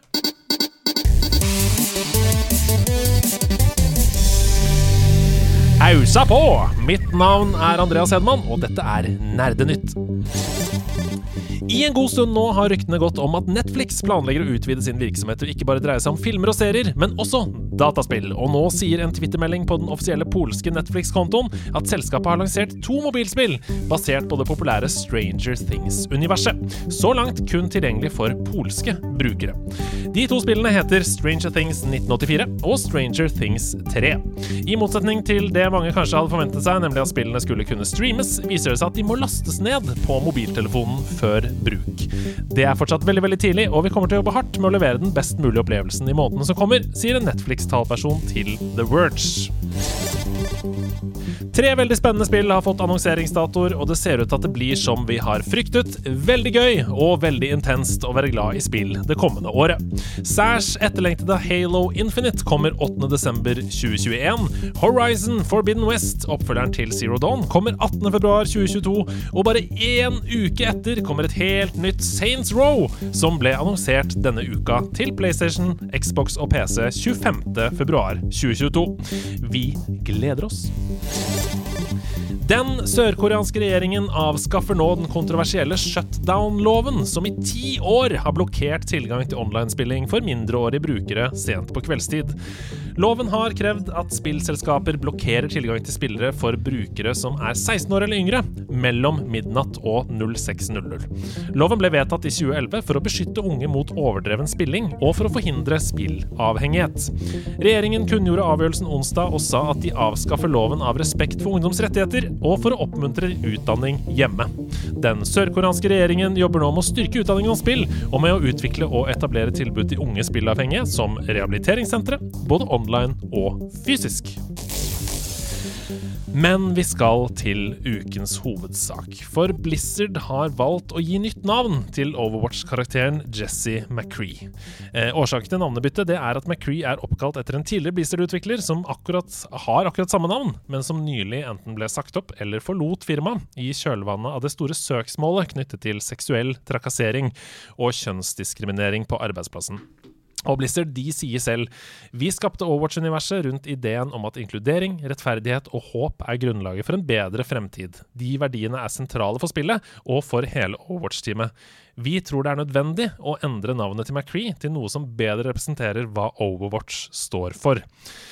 Dette navnebyttet det fører også til en del nye endringer for selve spillet og til utviklingen videre, for opprinnelig var planen å ha McCree som en sentral figur i en ny law-beat som skulle komme nå i september, men denne utsettes, slik at utviklerne får muligheten til å gjøre de nødvendige endringene.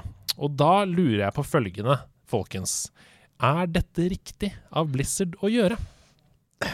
Denne diskusjonen har vi jo så vidt vært inne, innom før. Eh, men eh, jeg, jeg har nok samme standpunkt som jeg hadde da, at man må skille kunsten fra kunstneren. Eh, som gjør at vi fortsatt kan høre Michael Jackson-musikk, på en måte, og ikke gremmes. Men samtidig som liksom, det er en greie at eh, at McCree burde kunne hete Jesse McCree selv om du oppkalte den personen, så har jeg ikke noe heller noe sånn at det er noe voldsomt viktig for meg. Så når de først har den avgjørelsen, så er det ikke sånn at jeg blir noe sur for det. Hvis de har lyst til å bruke penger på det, og vil gjøre det, så skader det ingen å gjøre det.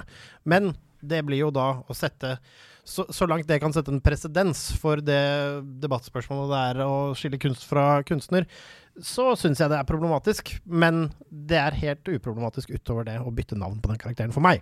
Hva tenker du, Anette? Ja, jeg tenker at eh, Blizzard er i ganske hardt vær for tiden, så jeg tror det er helt nødvendig for Blizzard at de, at de gjør noen endringer. Når disse sakene kom frem her for noen uker siden, så tok de først en eh, ganske sånn eh, defensiv eh, tilnærming og sa at jeg, Nå husker ikke akkurat hva det var de sa, men de gikk jo tilbake på den første reaksjonen som de hadde. Eh, og nå har jo også eh, investor, eh, investorer i selskapet gått til søksmål for at Blizzard har skjult problemer som har pågått. Så jeg tror at akkurat i denne saken her så er det rett og slett bare nødvendig at de gjør mange grep, og at dette er et av de. Og så- Og så er det jo selvfølgelig et argument som jeg kom på mens jeg lente meg tilbake og tenkte Der fikk jeg sagt det. Så er det jo faktisk enda sånn at de som har blitt utsatt for dette, og så langt øh, og, og, og som opplevde det, altså de skal også kunne spille De skal også kunne spille Overwatch. Og det er ikke noe veldig hyggelig hvis du mener din egen overgriper, da, hvis du får si det Nei, rett ut. Nei, Nei jeg, jeg um, syns det er interessant. Vi skal litt tilbake til det uh, etter at jeg har sagt det jeg skal si nå. uh, det du var inne på. Uh, men jeg mener at det er riktig å gjøre dette av to grunner. For det første så er det et tydelig standpunkt fra Blizzard mot denne typen handlinger. Altså De tar tydelig avstand fra det. Det er viktig. For det andre så skaper dette navnet Jesse McCree nå det mange av oss som jobber med innhold, kaller en forstyrrende følelse. Um, og det har ikke noe med innholdet å gjøre. Ikke sant? Hver gang du spiller Overwatch nå, og uh, historiefortelleren prøver å fortelle deg en historie om Jesse McCree, så vil det skape en forstyrrende følelse for deg som gjør at du blir trukket ut av handlingen. Og da er det sånn rent fortellerteknisk, hva er vitsen med at det er det navnet? Samtidig så uh, blir man jo påminnet i denne saken Det kan bli en Streisand-effekt, ikke sant? Hvis du nå var der før dette navnebyttet, og nå denne karakteren heter Tom McLean, så blir du påminnet ah, Han pleide å hete Jesse McCree, og så blir du påminnet det hver gang fordi man liksom ikke skal snakke om det. Så snakker man mye mer om det, hvis du skjønner. Så kanskje man burde fjerne karakteren helt. Ja, ja altså det, det kan du også si. Samtidig så er det jo timevis med dedikasjon for spillere, sånn rent gamingteknisk, som ligger bak det å spille McCree. Og McCree, altså Jesse McCree sånn isolert sett eh, som navn, i og med at det er oppkalt etter denne personen, så er det jo problematisk, men det er jo også et sånn klassisk Hvis du tenker på det som et klassisk cowboynavn, da. Det finnes jo helt sikkert de også som har tatovert Jesse McCree. Fordi de mener Jesse McCree. Altså, man kan hele tiden finne sånne Mm. hva om, hva hvis. Men jeg tror liksom det eneste Altså, I disse casene her så føler jeg som at det eneste hensynet som er verdt å ta, det er enten skal du skille kunst og kunstner, eh, eller er det problematisk, og, så må du beskytte offer. Først må du beskytte offer, og så lenge offer er beskytta, så må man ta den vurderingen etterpå. Mm. Altså, jeg tror også, det, Dette er jo heller ikke snakk om et ekte menneske, en ekte person som musikken eller kunsten til vil leve evig på i alles liksom, Dette er en fiksjonell gamingkarakter. Gi den cowboyen et jævla nytt navn og en rosa hatt, og så er vi ferdig med det. OK, eh, hvordan skiller man kunst og kunstner, da? På best mulig måte, Anette? Dette er jo et av de store spørsmålene. Um, men, men hvordan kan man liksom Er det noen råd? Er det noe man kan gjøre? Nei, det Altså, Det må være opp til hver og en, liksom. Altså for, Ja. meg så, for meg så føles det som For meg så føles det som at du må ta musikken for sitt. Og så er det opp til hver enkelt om man ønsker å utsettes for det. Ikke sant? Altså Hvis det er problematisk for deg, så er det altså, Jeg syns eksempelet her er jo Michael Jackson. Nå er riktignok Ja, bortsett fra at uh, Jesse McCree har på en måte ikke lagd Overwatch, hvis du skjønner. Altså, Ja. her, Det er- blir jo litt på siden, fordi her er det noen andre utviklere som har lagd en karakter. Mens, mens uh, Michael Jackson er jo direkte knyttet til materialet i tillegg. Ja, men Bill, altså hvis du sier Billie Jean, da altså sånn, altså, Det er vanskelig å si, men en, spe, en spesifikk låt, da, så Mm. vil jo den, uansett hvordan du vrir og vender på det, være linka til Michael Jackson. Som selvfølgelig allegedly bare, da er jo sånn fra et juridisk standpunkt du må si det, så han er ikke dømt. Ja, ja. Men når det er sagt, så vil jo det for hans alleged eh, victims, eller hans Ja. påståtte ofre, eh, det vil være grusomt å høre Michael Jackson synge. Og det kommer ikke de unna. Og, men, men jeg tror allikevel så er det liksom Jeg tror Hvis du går gjennom historien da, og ser på kunstverkene vi har, arkitektur, ting som har kommet, altså ting som er bygd av grusomme faraoer, ting som har kommet på forskning vi har fått pga. grusomme overgrep mot mennesker Noen ganger så må man liksom bare bli nødt til det, og da gjelder det litt i dette spillformatet også, da. Mm. Selv om Jesse McCree nå uheldigvis var oppkalt etter en kjip, kjip eh, person, så er det jo Det er jo ikke Jesse McCree. Jesse McCree er jo den tøffe cowboyen i, Med Bionic Arm. med Bionic Arm i Overwatch, Ja. ikke en overgriper. Det som er, som er bra her, er jo at det skaper disse diskusjonene.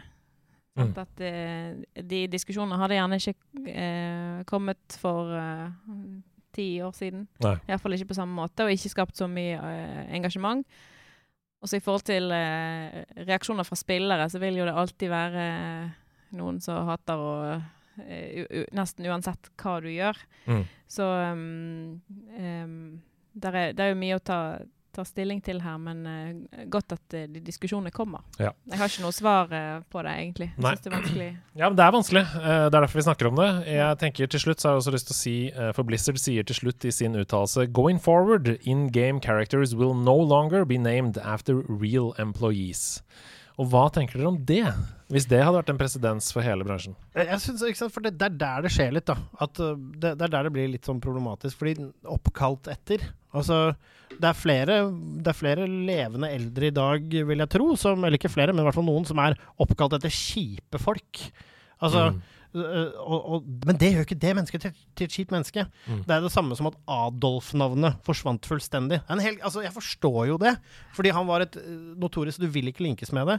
Men igjen, så Det er bare et navn. Og det er der, da. Altså, jeg tror både det der å slette McCree fra, øh, fra den biten av det, ta bort hele karakteren, eller å fjerne navn og bytte navn, altså hele den, det er en helt kurant måte å gjøre det på. Og så er det også en helt kurant måte å gjøre det på, ikke gjøre noe. Jeg tror begge deler er moralsk forsvarlig. Ja, for, trenger man egentlig å kalle opp noen etter noen i teamet? Nei da, man gjør ikke det. Og det er jo um, selvfølgelig Noen vil jo rope 'det er sensur!' Uh, og hvis jeg er leder for et team, og jeg syns at mitt ettermæle skal leve for alltid, og at karakteren i det spillet jeg lager skal hete Andreas Hedemann, uh, så, uh, så vil jo noen sikkert si at det er sensur at jeg ikke får lov til å gjøre det. Men det jeg syns er litt synd, det er ikke dette i seg selv. Det er at eh, vi har kommet til et sted der hvor diskusjonene er så polariserte at det at, um, det at Blizzard har oppkalt en uh, fiktiv figur etter en person, kan føre til at hele selskapet velter, hvis du skjønner. Um, handlingen i seg selv er helt forferdelig. Og jeg syns det er kjempebra, det var det første jeg sa, jeg synes det er kjempebra at Blizzard nå fjerner dette navnet, men jeg syns ikke det er bra dersom spillselskaper i frykt av hva Altså, alle er mennesker, og alle kan gjøre feil.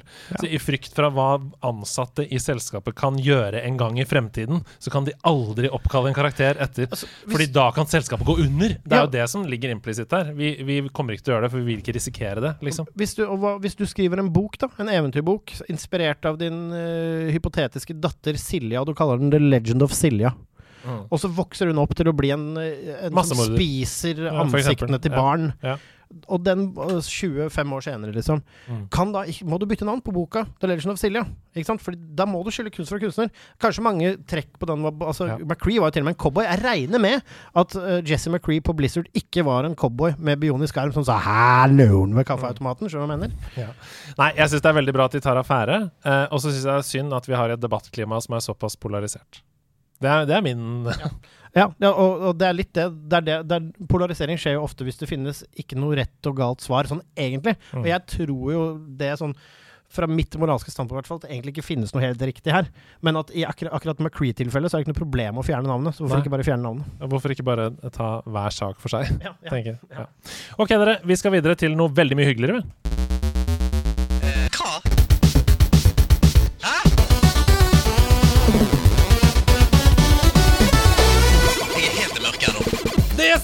Vi skal til den mye bedre ekvivalenten til Beat for beat på NRK. Nemlig Bit for Are you listening, NRKKKKKK? Einar Førde, do you hear me? Vet du hvorfor jeg sa det? Jeg kan ikke høre deg, Andreas. Jeg er hovedsakelig fordi jeg har vandra. Ja! Bit for bit, der er det altså sånn at vi hører gammel spillmusikk eh, delt opp i eh, kun små elementer fra musikken. Vi kan først få en skarptromme, så legger vi på basslinjen, til slutt legger vi på melodilinjen, og i løpet av disse tre leddene så må dere finne ut av hvilken sang vi skal fram til, fra hvilket spill. Har du spilt noe lignende før, Anette? Eh, nei, men jeg, eh, jeg Jeg tror hadde det vært Beat bit for bit på NRK, så hadde jeg eh, gjort det veldig bra. Men eh, når jeg har også hørt bit for bit her, så tenker jeg å, jeg må øve og må høre. Men så, man kan jo liksom ikke øve, for det er så mye. Eh, sant? Men jeg, jeg liker jo å gjøre det godt i en konkurranse. Men det som jeg, jeg hører ofte sanger, bare jeg hører en tone. Men, Mm. denne tror jeg blir eh, vanskelig, altså. Ja, det blir spennende. Husk at dere er mot hverandre og må Ja. rope navnet deres når dere vet hva det er. Dere får tre poeng hvis dere klarer det på første ledd, to poeng på andre og ett poeng på det siste leddet. Jeg har lyst til å legge til én ting til. For vår gode venn Paper, som står bak mange av disse tracksene, eh, han har nå laget Bit for bit til et helt ekte spill. Det betyr, mine damer og herrer, at du kan gå inn på nerdelandslaget.com og spille Bit for bit med dine venner! Og det har ligget Å, fy faen. Altså, jeg har jo vært en av de heldige som har fått betatesta dette. Og la meg bare si you're in for a treat. Det er så gøy at det rett og slett er vanskelig å slutte. Det er rett og slett umulig å slutte. Så gå inn på nederlandslaget.com og spill Bit for bit med vennene dine, du også. Her er første oppgave. Lykke til. Husk å rope navnet deres når dere vet hva det er.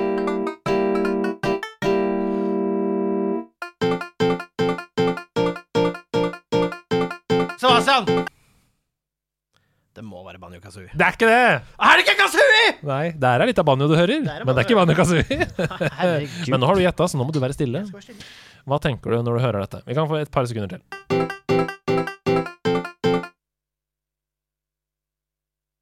Nei, det står eh, ganske stille. Mm. Det høres jo sånn som med all sånn musikk, så høres du kjent ut. Mm. Ja. Har du lyst til å komme med et tipp før diskusjonen blir litt åpen rundt bordet? Nei. Nei. Hvilken, hvilken æra tror dere vi befinner oss i her, da? Altså, det lukter Nintendo 64-æraen uh, Mhm. lang vei for meg. Ja, Ja, det kan jo forklare, siden jeg var på en måte litt ja det var da sånn du var for kul under- for spill. Ja. Du, jeg bare holdt opp på med andre ting. du bare er ikke kongelig, så gidder jeg ikke game mer.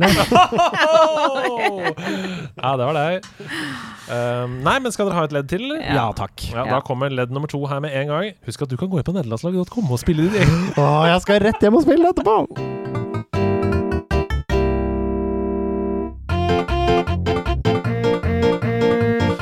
Sebastian! Sebastian! Det er hesteløpet! Det er hesteløp! Det er veddeløps hestetracket på Ocarina of Time! Det er riktig! Det er Long Long Ranch!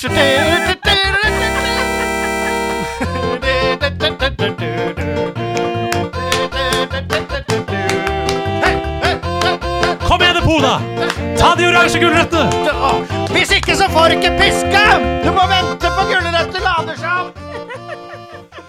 fart, ellers så stopper du på bommen. Det er helt riktig, for dette er en dark horse uh, i ordets rette forstand. Uh, for dette er nemlig uh, Det er mange tracks man kunne valgt fra Ocarina of Time Det er det. som hadde vært lett. Dette er ikke så lett, for dette er nemlig hesteløpet Det var veldig Ocarina. of spesifikt, Time. dette. Åh, Jeg er allergisk mot hester, så det var sikkert derfor jeg ikke tok Det er hesteløpet! Det er hesteveddeløp! Oh, shit. Men du må jo heste du må jo, altså Det er det, ikke sant? Du må ta hesteveddeløpet, men så får du ikke hesten likevel, så må du hoppe av bommen. Nei, må hoppe ut av ranchen. Ja, ja. Men det er jo hesteløping på um, Majora's Mask òg, vet du. Så jeg bare Oi, Hjernen min oi, oi, litt ja, ja. Nei, men dette er veldig bra. Du får to poeng, Sebastian. Vi skal videre til neste oppgave. Husk å kvesse ørene. Jeg tror det går an å gjøre det. Ja, kvesse. kvesse ørene. Og husk at du kan kvesse ørene hjemme også, og spille bit for bit hjemme på nederlandslag.com.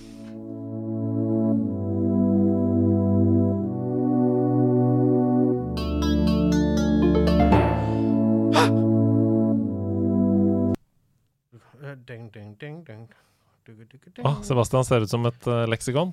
Hva tenker du om dette? Har Jeg lyst tenker Forever young, I I wanna be forever young. Begynner litt sånn. Ja, det er, det er bra, det. Er det, lov, å- er det lov å høre klippet en gang til? Nei? Nei, takk. Men hadde du vært hjemme på nederlandslag.com, skulle du hørt igjen. Nei. Nei. Um, Det var jo veldig lite Ja. eh, Hæ? Hæ? Sebastian er uh, øh, øh, ja, ok, greit. Nei, nå- fikk jeg ikke høre det igjen, men nå bare fyrer hjernen min på alle plugger. Sebastian, Ja. er dette Er dette, er dette her duden du, du, du, du, du, du, du, fra Rayman?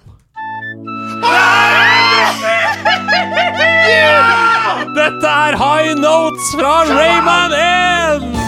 Wow!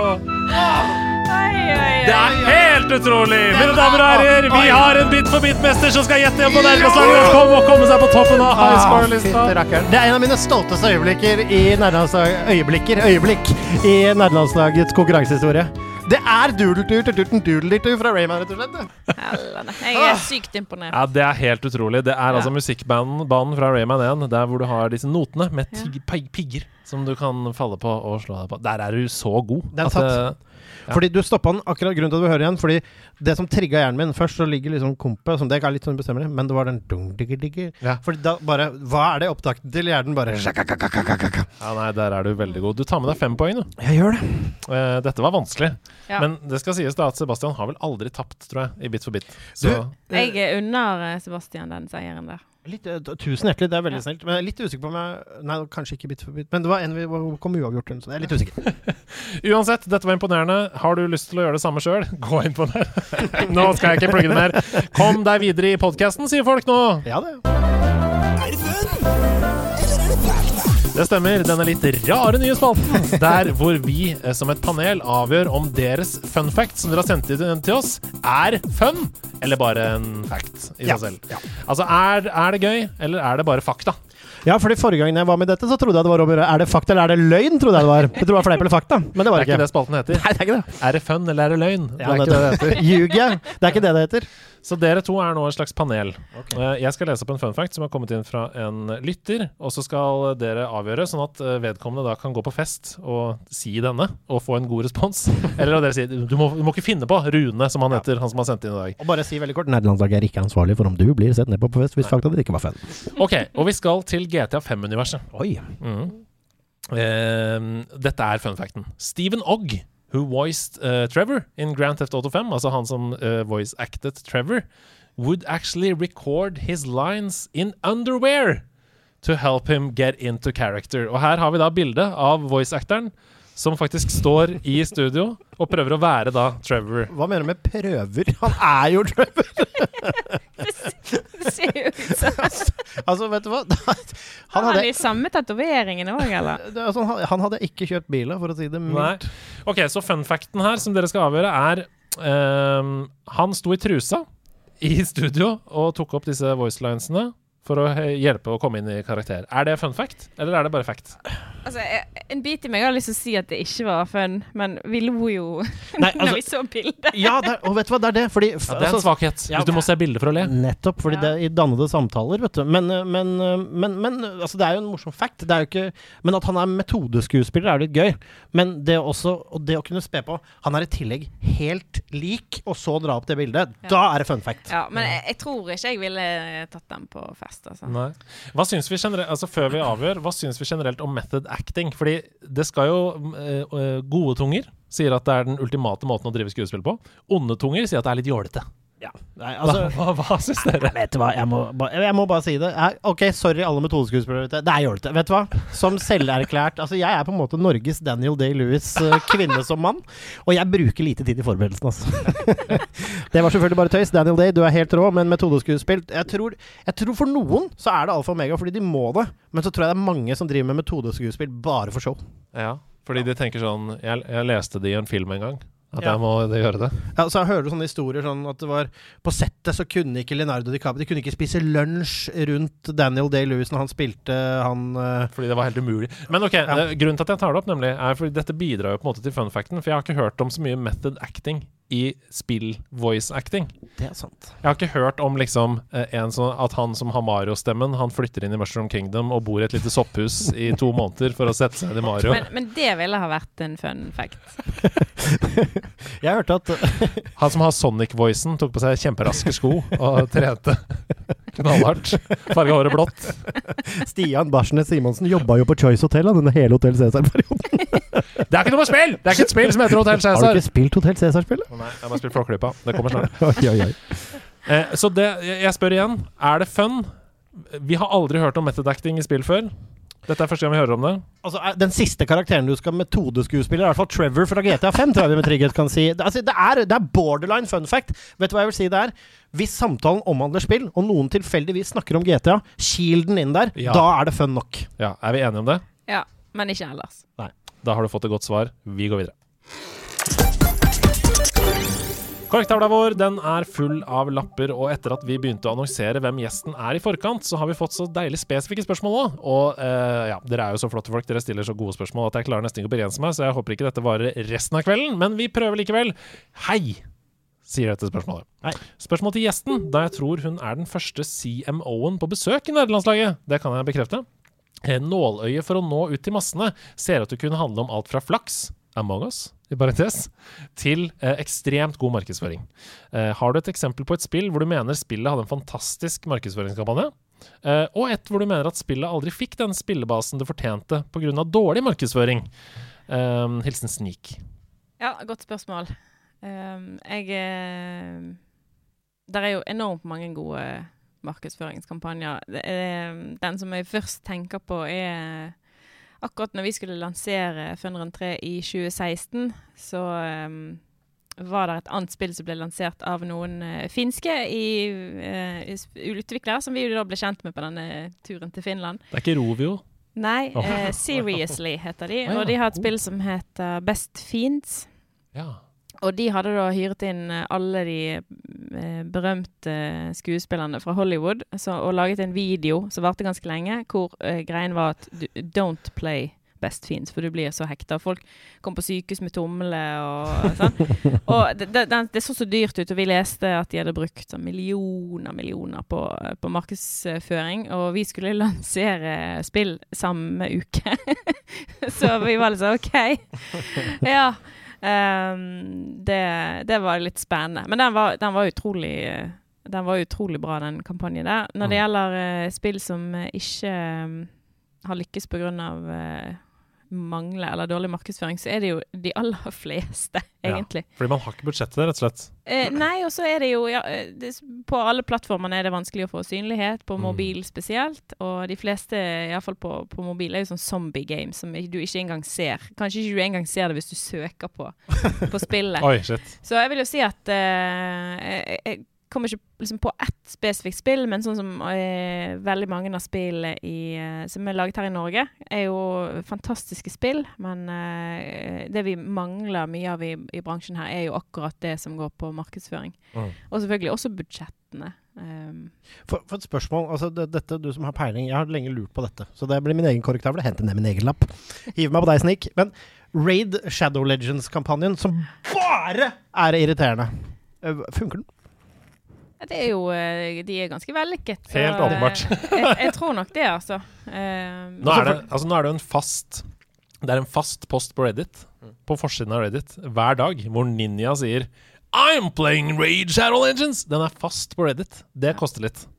Så hvis du har råd til å sette for det første Ninja, en av verdens største Fortnite-profiler, eh, og fast frontpage av Reddit, mm. da tror jeg eh, spillet ditt er en suksess. Kjenner noen Men, noen som spiller Raid Shadow Legends, er da mitt spørsmål. Eh, det var en sommer eh, vi var på ferie hvor eh, eh mannen min spilte det sammen mm. med den andre mannen i familien som vi reiste på ferie med. Så de spilte det ganske mye da. Um. Ellers så kjenner jeg til det fordi at jeg har hatt et møte med de en gang. Og da er det jo alltid sånn jeg føler at jeg, jeg har ikke spilt, men da må jeg iallfall ha sett på et klipp. mm. Men det med, med flaks og uh, Among us, det er jo um, det er jo som, som uh, spørsmålet sier her, så er det jo veldig ofte flaks. Og jeg liker å snakke om uh, å, legge, å optimize for luck. For det, det er jo noen ja. ting du kan gjøre sant? selv om man ikke har disse store budsjettene. Og det er jo Among us har jo, uh, traff jo veldig bra uten å gjøre spesiell markedsføring. Og de har ikke engang brukt subtitle i store description, så de har ikke gjort sin ASO. For de trenger det ikke. ASO er altså App Store Optimization. Å, vi lærer nye ting! Ja, ja, ja. Og det er veldig gøy å jobbe med med keywords og sånn. Men, men uh, det ser vi jo med Funderen òg. Vi har jo um, ganske mange nedlastinger, og det er bare 1% av de vi har betalt eh, annonsering. Så vi har 130 millioner nedlastinger, og nesten Oi. alt er word of mouth, fordi at folk spiller med vennene sine. Så hvis du klarer å lage noe som folk har lyst til å spille med venner, og på en måte tilrettelegge for det ved å for eksempel, Vi har jobbet litt med sant, å bygge opp hashtag funrun på Twitter, sånn at uh, det gikk, jo, uh, gikk jo Trendet jo på Twitter, f.eks., mm. når vi lanserte ja, ja, både Funrun 1 og 2 så er det noen ting du kan gjøre. For det, det kan jo være sånn, vi oppdaget, Plutselig var det en sånn tyrkisk eh, berømt skuespiller som spilte Fønneren 3 på settet. Ja. Sant? Og da oppdaget da er vi der. Vi, ja. Og da eh, tenkte vi ok, vi må finne ut hvem denne her eh, er. Og det viste seg å være en ganske berømt en. Og så hadde jeg en, en spillvenn fra Tyrkia som hjalp å finne litt ut om denne, og, og forfatte en tyrkisk tweet tilbake. For det, det kan jo være en så det. Så vi tweetet tilbake, og det, fansen tok jo fyr. Sant? Så vi hadde ja. jo en kjempeboost på nedlastinger i en god stund etterpå. og der har du det, folkens. Det Optimize for luck, altså. Det og spillet heter Fun Run. Det er ikke akkurat en dårlig tittel å søke. Altså Fun Run, det, det, det trender på, på, på storen. Vi, um, som vi pleier å si i denne bransjen, um, er, man må selvfølgelig ha budsjetter. Men gode ideer er gratis. og dette var en god idé! Ja, det var det. Så, ja. OK. Um, det var gratis. Hei, kjære landslag. Jeg er personlig veldig gira på Black Myth Wukong. Eh, og ble ikke mindre gira da gameplay-traileren kom ut for et par dager siden. Jeg er også veldig nysgjerrig på hvilke tanker dere har om gameplay-traileren. Gameplay I love you. Hilsen Martin. Å, Martin. Men Sebastian, det var du som posta Black Myth Wukong-traileren i nerdelandslagets WhatsApp-gruppe. La meg bare Så bare snakk, du. Du, vet du hva? Det er et spill som jeg gleder meg til som uh, bare rakkeren. Altså, det er helt vilt hvor, uh, hvor mye det kiler meg. Og det er ikke så veldig rart, fordi og Jeg kan jo stille deg dette spørsmålet, Andreas. Hvilken type spill, eller hvilken eh, kjent utvikler ser litt ut som har laget dette spillet? Hmm, er, det de, er det kjente Backsoft? Er det de? FromSoft! Yeah! Ja. Ja. Dette ser jo ut som en Soulsborne-variant med et nydelig univers. Altså, dette ser litt ut for meg som um, Sekiro, uh, Dark Souls, Demon Souls og uh, godeste Ghost of Tsushima driver med et lite kjærlighetsbarn uh, som kommer nå. Det ser super stilsikkert ut. Det er i et fantastisk univers. Jeg er veldig glad i den asiatiske kulturen, den samurai-estetikken, den der, hele den greia der. Uh, og, og, bare det vi har sett nå med moveset, og når han drar spydet i snøen, og det ser jo penger ut. Så det, det, er ikke så mye jeg vet om det. Jeg har sett, uh, sett en del og lest meg opp på det jeg kan, og sett traileren, men det er altså det er en av de villeste tingene på hype-radaren, som ligger rett bak Elden Ring, faktisk, for min del nå i hype. Veldig gøy. Hei, Stian, Andreas og Anette, eventuelt AAS, anti-anonyme spillere. Oh. Hvordan tror dere det er å få seg jobb innenfor spillbransjen hvis man ikke har noe erfaring eller utdanning innenfor bransjen? Er det behov for andre erfaringer, annen kompetanse, enn f.eks. designere, komponister og spillutviklere? Hilsen Zigat. Du får svare. Du jobber med dette. Ja, jeg eh, kommer jo ikke fra spillbransjen, så um, jeg har jobbet med IT. ja. Så eh, ja, det er jo mange roller eh, man trenger i for å lage spill, og for, for å få de ut i verden. Så eh, det er jo ja, innenfor analyse, f.eks. Mm. markedsføring, drive bedrift, ledelse. Ja. Nei, fordi det, det, jeg ofte hører uh, Det gjelder selvfølgelig ikke for alle, for det er jo noen store selskaper, men det er jo at norsk spillbransje er jo forholdsvis liten fortsatt. Og Derfor så hører jeg veldig mange sånne historier om sånn Du må gjerne kunne kode litt, fordi her må alle gjøre litt alt. Hvis du skjønner? Ja, Nei, jeg kan overhodet ikke kode. Det kan jeg si. Jeg kan ikke tegne. Uh, jeg kan røverspråket, da, men det har jeg ikke fått bruk for. Og så har du møtt Terje eh, Formoe. ja. Apropos røverspråket! Ja, det teller for noe. Oi! Kaptein Sabeltann, eller? Hva Nei, sa du? Det var røverspråket. Kokkapop-totteinon. Så sa bobbelol tottanonon. Ja, det er Kaptein Sabeltann. Ja. ja. Tottenon Bob Sauce. Det må du kunne for å få jobb i norsk spillbransje. Ja, eh, det er en fordel. Nei, eh, absolutt ikke. Vi eh, har eh, selv vi som er et eh, Vi er et stort selskap i norsk standard, men i, i, bransjen så er vi jo et relativt lite med 23 ansatte. Men vi har sant, Noen av rollene er jo gjerne man er kanskje programmerer og jobber med game design, og kanskje man også er PO, som er produkteier, product mm. owner. Eh, men så har vi jo art og og nå også en som jobber med brukergrensesnitt, UI, UX. Så, og jeg eh, verken tegner eller eh, koder, eh, men, men, jobber med andre ting. Mm. Så, men hold, hold, øynene åpne, er det det du sier, rett og slett? Ja.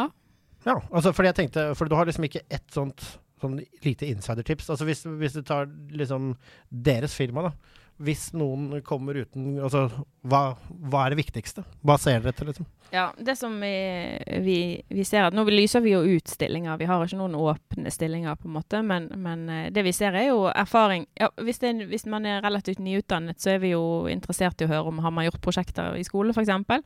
Eh, har man gjort noe på fritiden eh, i tillegg til en annen jobb? Og har man en, en interesse hva kan man vise til? En portefølje hvis man, uh, man har noe man har laget.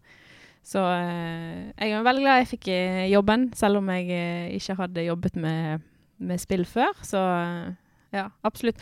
Eh, generelt tips når man søker på jobber, så er det jo å lese stillingsannonsen nøye ja. og levere inn det som man ber om. Står det at man skal søke på engelsk, så bør man faktisk søke på engelsk. Gode tips der, altså. Ja. Det, det, er lurt. Hei, hei, Hedo, Sebo og Gjestofen.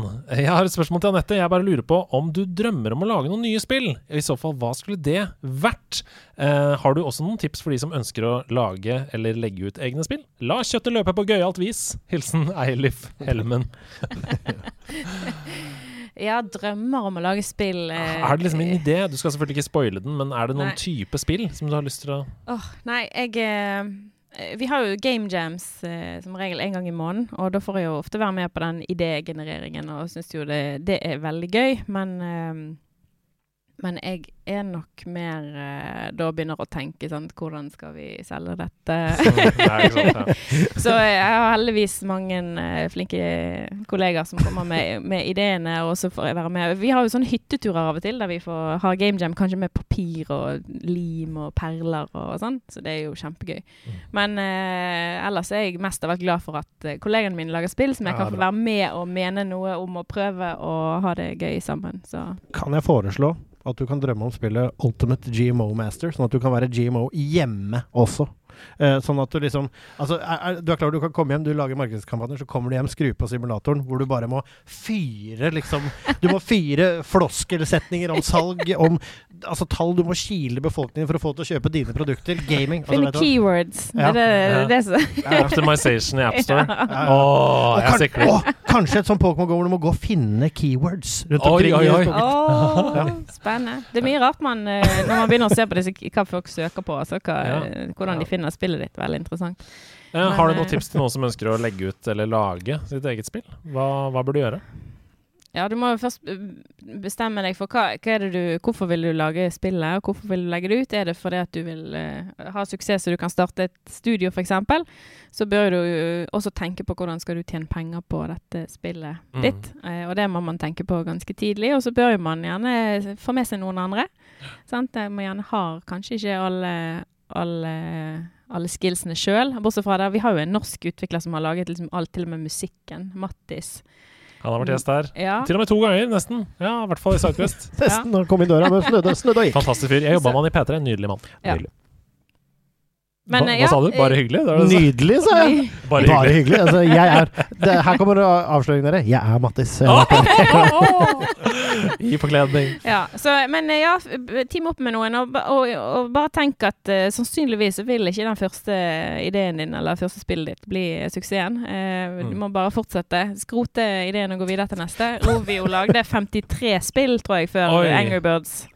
Tenk på det. Ja. Rovio er 53. Så det du sier at jeg må skrote robotgressklipperideen? Fordi den kan komme inn på soverommet og plage deg? Ja, du må gå videre til neste idé. Du kan ikke monetize det. Okay, Ok, Eller du kan for så vidt tjene penger på å invadere andres privatliv. Det er litt åpen, åpenbart ikke klar for okay, skroting. vi tar siste spørsmål på cocktaila. Hallo, Seb, Heads og Anette Linen. Hvis dere fikk anledning til å lage en remake av et gammelt spill, som da kun skal utgis på mobiltelefoner og tablets, hvilket spill og spillsjanger hadde vært mest passende? Altså, du skal remake et gammelt spill. Regel det er ikke lov med mikrotransaksjoner. Hilsen Sin4. Um, jeg har to. Ja, fortell. A Link to the Past. Ja, det er et godt spill for, for tablet, ja. Ja, det er, tror jeg kunne blitt eh, tatt trans transisjonen til den type kontroller ganske Mm, enkelt. Onscreen-kontrollere. Mm. Det, og hold deg fast, Fordi da kan jeg ha det på øretelefonene mine på trikk hele tiden. Jeg kan, om jeg så bare skal høre på musikken Turtles in Time. Åh, beat 'em up. uh, Men det ble ikke så lett å komboe, da, med de skjermene. Si knappene. ikke det. Teknologien har kommet langt, Andreas. Ok. Ja, men jeg, Anette? Åh, eh, spennende tanke. Det er jo liksom med gamle spillopplevelser at av og til så vil man jo på en måte ikke eh, spille det på nytt fordi at man er redd liksom for å ødelegge de gode minnene. Så, men uh, eh, jeg tror jeg ville Jeg spilte et spill på GameCube som eh, het Sphinx. Oi. Det Sphinx. tror jeg hadde vært gøy å spille på Kanskje på iPad, da. Ja. Ja. Ja, øh, jeg tror Nå vet jeg ikke om dette fins, det kan hende jeg skyter meg selv i trynet, men øh, jeg vil ha Altså Det jeg vet at ikke fins, som fantes en stund, det er Den lengste reisen. For det fantes på mobil. Men det fantes ikke med norsk tale! Det fantes bare med engelsk tale. Jeg vil ha Synnøve Svabø rett i monitor. Oh. Det er et fantastisk eh, spill når hun sier når, når den mekaniske apen sier eh, Snu deg rundt og dans! sier han. Fantastisk. Um, og så vil jeg ha eh, Er det du som er apen? Nei. Var det Kaptein Sabeltann? eh, Det er? Terje Formoe som er apen, ja! Og så vil jeg ha Så vil jeg ha eh, Nei. Henda i været og dans! Det er det den sier. Jeg vil ha alle Monkey Island-spillene. På mobil. Fordi jeg vil sitte på kollektiv og være pirat. Guybrush. Og de gjorde, jo, de gjorde jo Grim Fandango. Kom jo på Ja, mobil. Og jeg spilte det på, på mobil. For et fantastisk spill Grim Fandango er for øvrig. Men uh, LucasArts eller eh, Double Fine eller hvem det er som har laga det, kom igjen, da, bare gjør det! Det er én kveld det med å porte! Mario!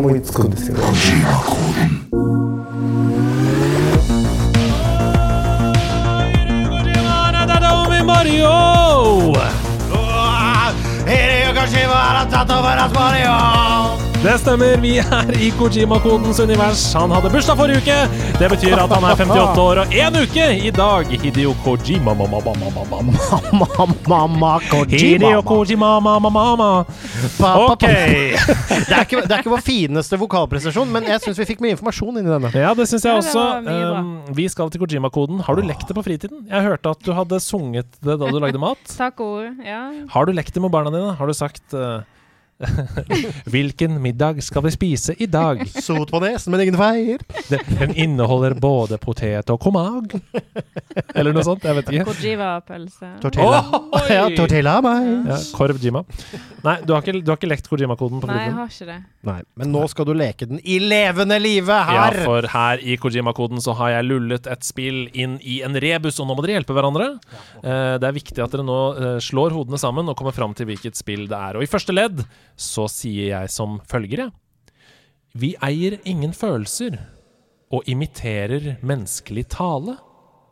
Men når vi slåss med sverd og spyd, blir kampene brutale.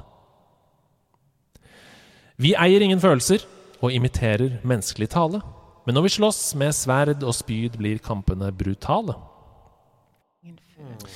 Jeg kan jo som et lite hint si at jeg skrev dette før jeg visste at det var Sebastian som skulle være programleder denne uka. Så eh, noen ganger så tilpasser jeg jo sånn at det skal være mulig for eh, gjestene å komme seg fram til det. Ja, nettopp, ja. Nettopp, Ikke ja. sant? Nettopp, ja.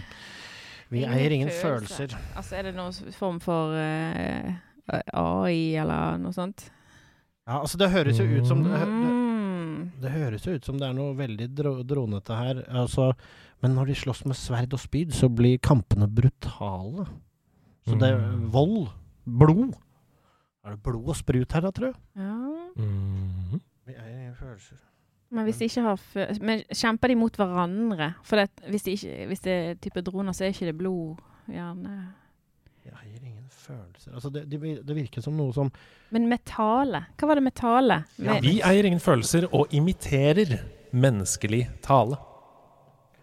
Men med sverd og sånn så blir kampene brutale. Det, altså, det er ikke, altså, Sims er jo ikke følelser. De eier jo noen følelser, de. De driver jo og gifter seg og greier. Ja, og de får det sånn minus hvis det er dårlig stemning og Ja, men det er ikke sånn. noen brutale kamper i Sims, som jeg kan huske. Men de imiterer jo menneskelig tale, og de imiterer det er det, Dette høres veldig creepy ut. Det høres ut som noen sånne droneting som later som de er mennesker, men så får de sverd og spyd, og så bare Ja, nå er dere gode, altså. Nå er dere gode. Har du lyst til å tippe før vi går til neste ledd? Det er god stemning på House on Earth, som dere hører i bakgrunnen her. K- Klukkens fornøyd. Mm. Eh, skal vi ta et ledd til, eller? Jeg har Ja, ikke noe godt etter hett.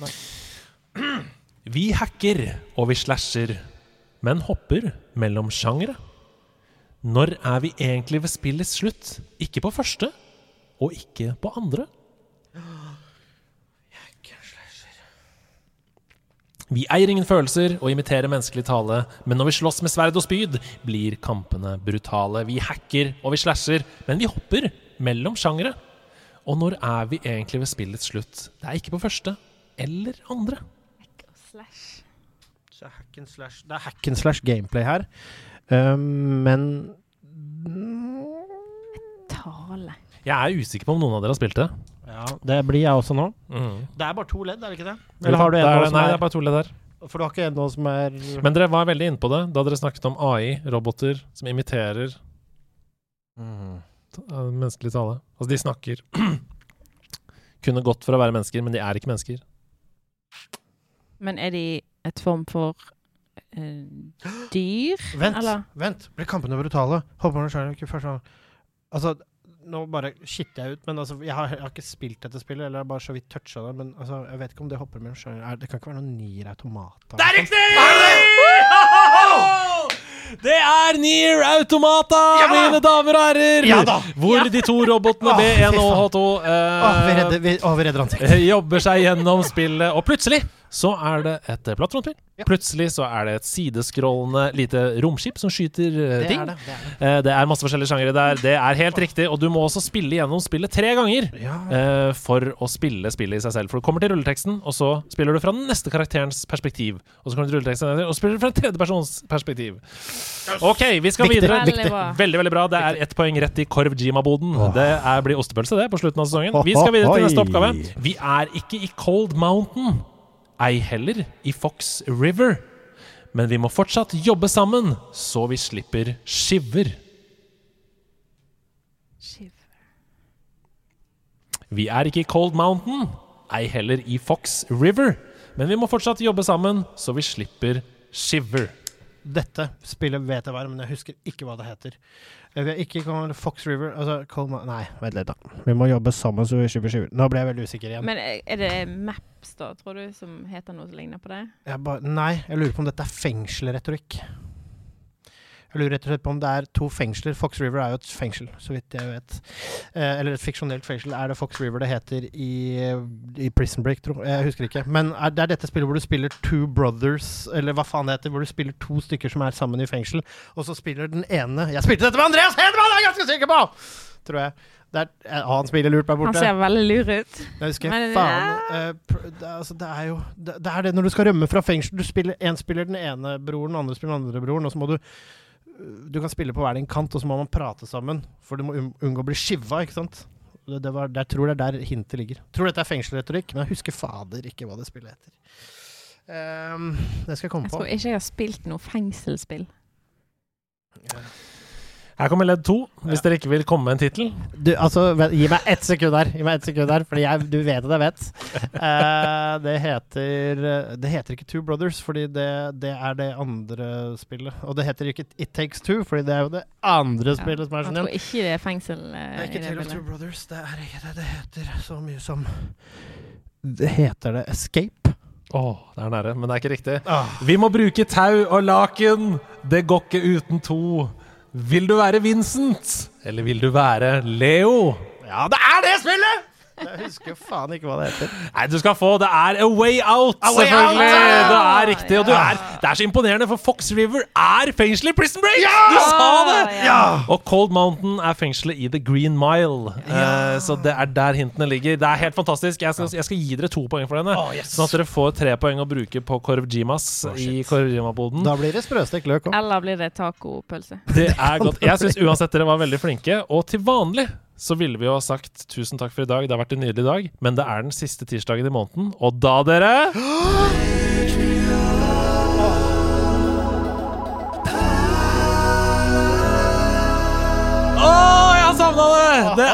er Patrion-perler, mine damer og herrer. Alle de på Patron i de øverste tiersene som vi hyller med uh, artige kunstinstallasjoner hver uke.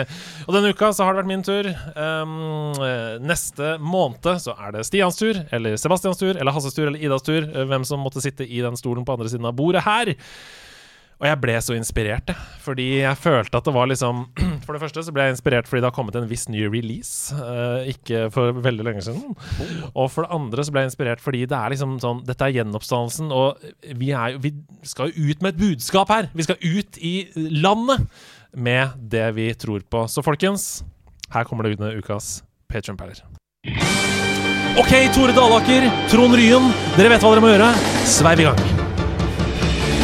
Nå skal jeg ut med Arthur Gulla, og vi skal til Lazar.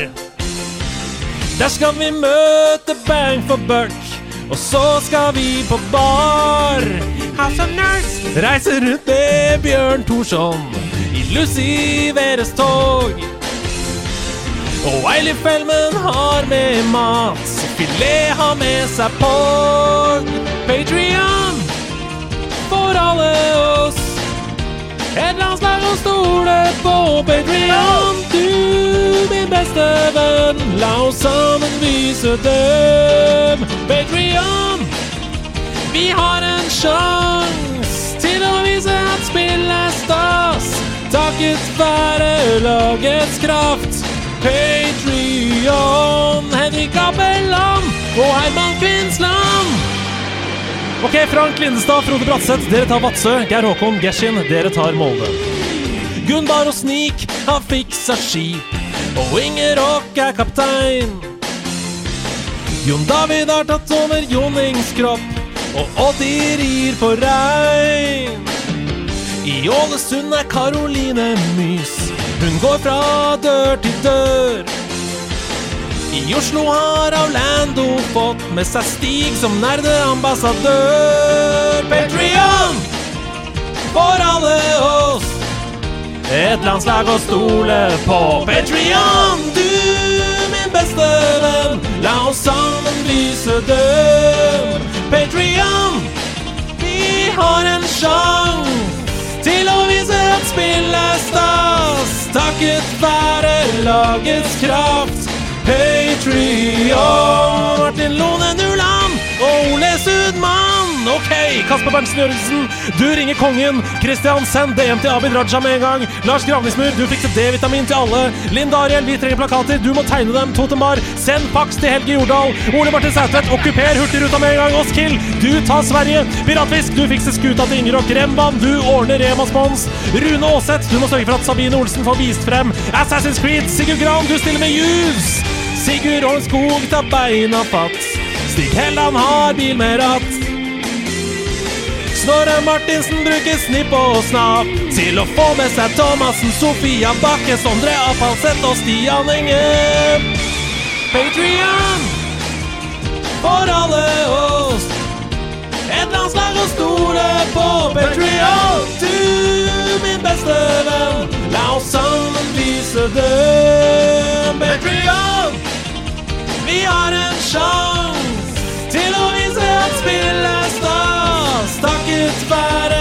lagets kraft.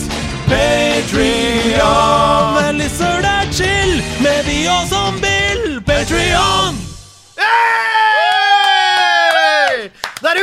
ikke ville hive seg med, men man kan ikke teksten! Så man må bare Vet du hva? Dette, dette er min favorittspalte. Den er nå bare en gang i måneden. Jeg skulle ønske det var hver dag, men det er for krevende. Men det Hver blir- dag, faktisk. Hver dag! Jeg vil ha Det var fin koring der. eh. Du, jeg, gjorde mitt, jeg gjorde mitt beste. Man er, man er bare en skarve korer. Men, uh. men fy faen, André. Fader! Takk. Vi vasker språket vårt her. Det, Ja men vet du hva? Det var nesten verdt en bann, altså, for det, det er så vakkert. Ja, det er gøy. Det er gøy å lage. Det er gøy å fremføre. Ja. Uh, selv om stemmen sprekker innimellom når det blir for lyst. Det er en del av Eh. Det skjer selv den beste Ja, popstjerne. Tusen hjertelig takk for at du kom, Anette. Har du kosa deg? Veldig. Og, altså, jeg måtte, skulle forklare til min mor hva jeg skulle. Hun, for øvrig, hun har bursdag bare et par dager etter Hidio Kojima, og de er like gamle. Oi! Oi, oi, Så vi var og feiret der, og så skulle jeg prøve å forklare hva jeg skulle på. Så jeg, er med i nerdelandslaget. Så skal på nerdelandslaget. Så sier jeg men det er så fint, tenk å få være med på et landslag. Ingen andre landslag som har invitert. Ja, men nå er du spiller. Du Ja, nå er du spiller. Du sitter ikke på benken, du er ute på banen, du. Ja. Ja, ja, ja. Så det er oppfordring til alle som eh, trenger å få Ja, vil være med. Alle som nøler, eh, begynn å høre på nederlandslaget, så er du automatisk spiller på laget. Det er det. Dette har vært veldig gøy. Jeg har lært veldig masse om eh, Ja. norsk og internasjonal spillindustri, og så har jeg lært masse om deg, og det var kjempegøy. Er det noe du har lyst til å plugge til slutt? Noe du har lyst til at eh, folk skal få vite om? Ja, eh, må jo nesten plugge Funrun 4, da, som Mm. har med klistremerker her. Vi har jo lansert Funrun 4 litt i det stille. I Norge, faktisk. Ja. Ja. Eh, og et par andre land, som Mhm. i sånn såkalt soft launch, eller Ja. beta. Så jeg kommer snart til hele verden, men det er altså å finne i eh, norsk store. Så last det ned. Gi gjerne en fin eh, stjerne der hvis du liker spillet. Og eh, ja, gleder oss til ut. Og så må jeg jo nesten, siden vi har snakket om eh, ausekarer og bassister og sånn, så jeg, vi må bare minne om at det er show i Bergen, på Riks. Og det er premiere ja, ja. på torsdag, så gå på Ticketmaster, tror jeg. Ja. Ausekarene. Show eh, storfest på lokalet. Og da kan du kjøpe deg billett til Ausekarane og bruke samme mobil til å spille Funrun 4. Teknologi, dere. Og etter det så kan du gå inn på nederlandslaget og komme og Ja. spille bit for bit på din egen mobil. Hvis for mens, du, mens du roper Mens du roper Ausa på! Ausa på!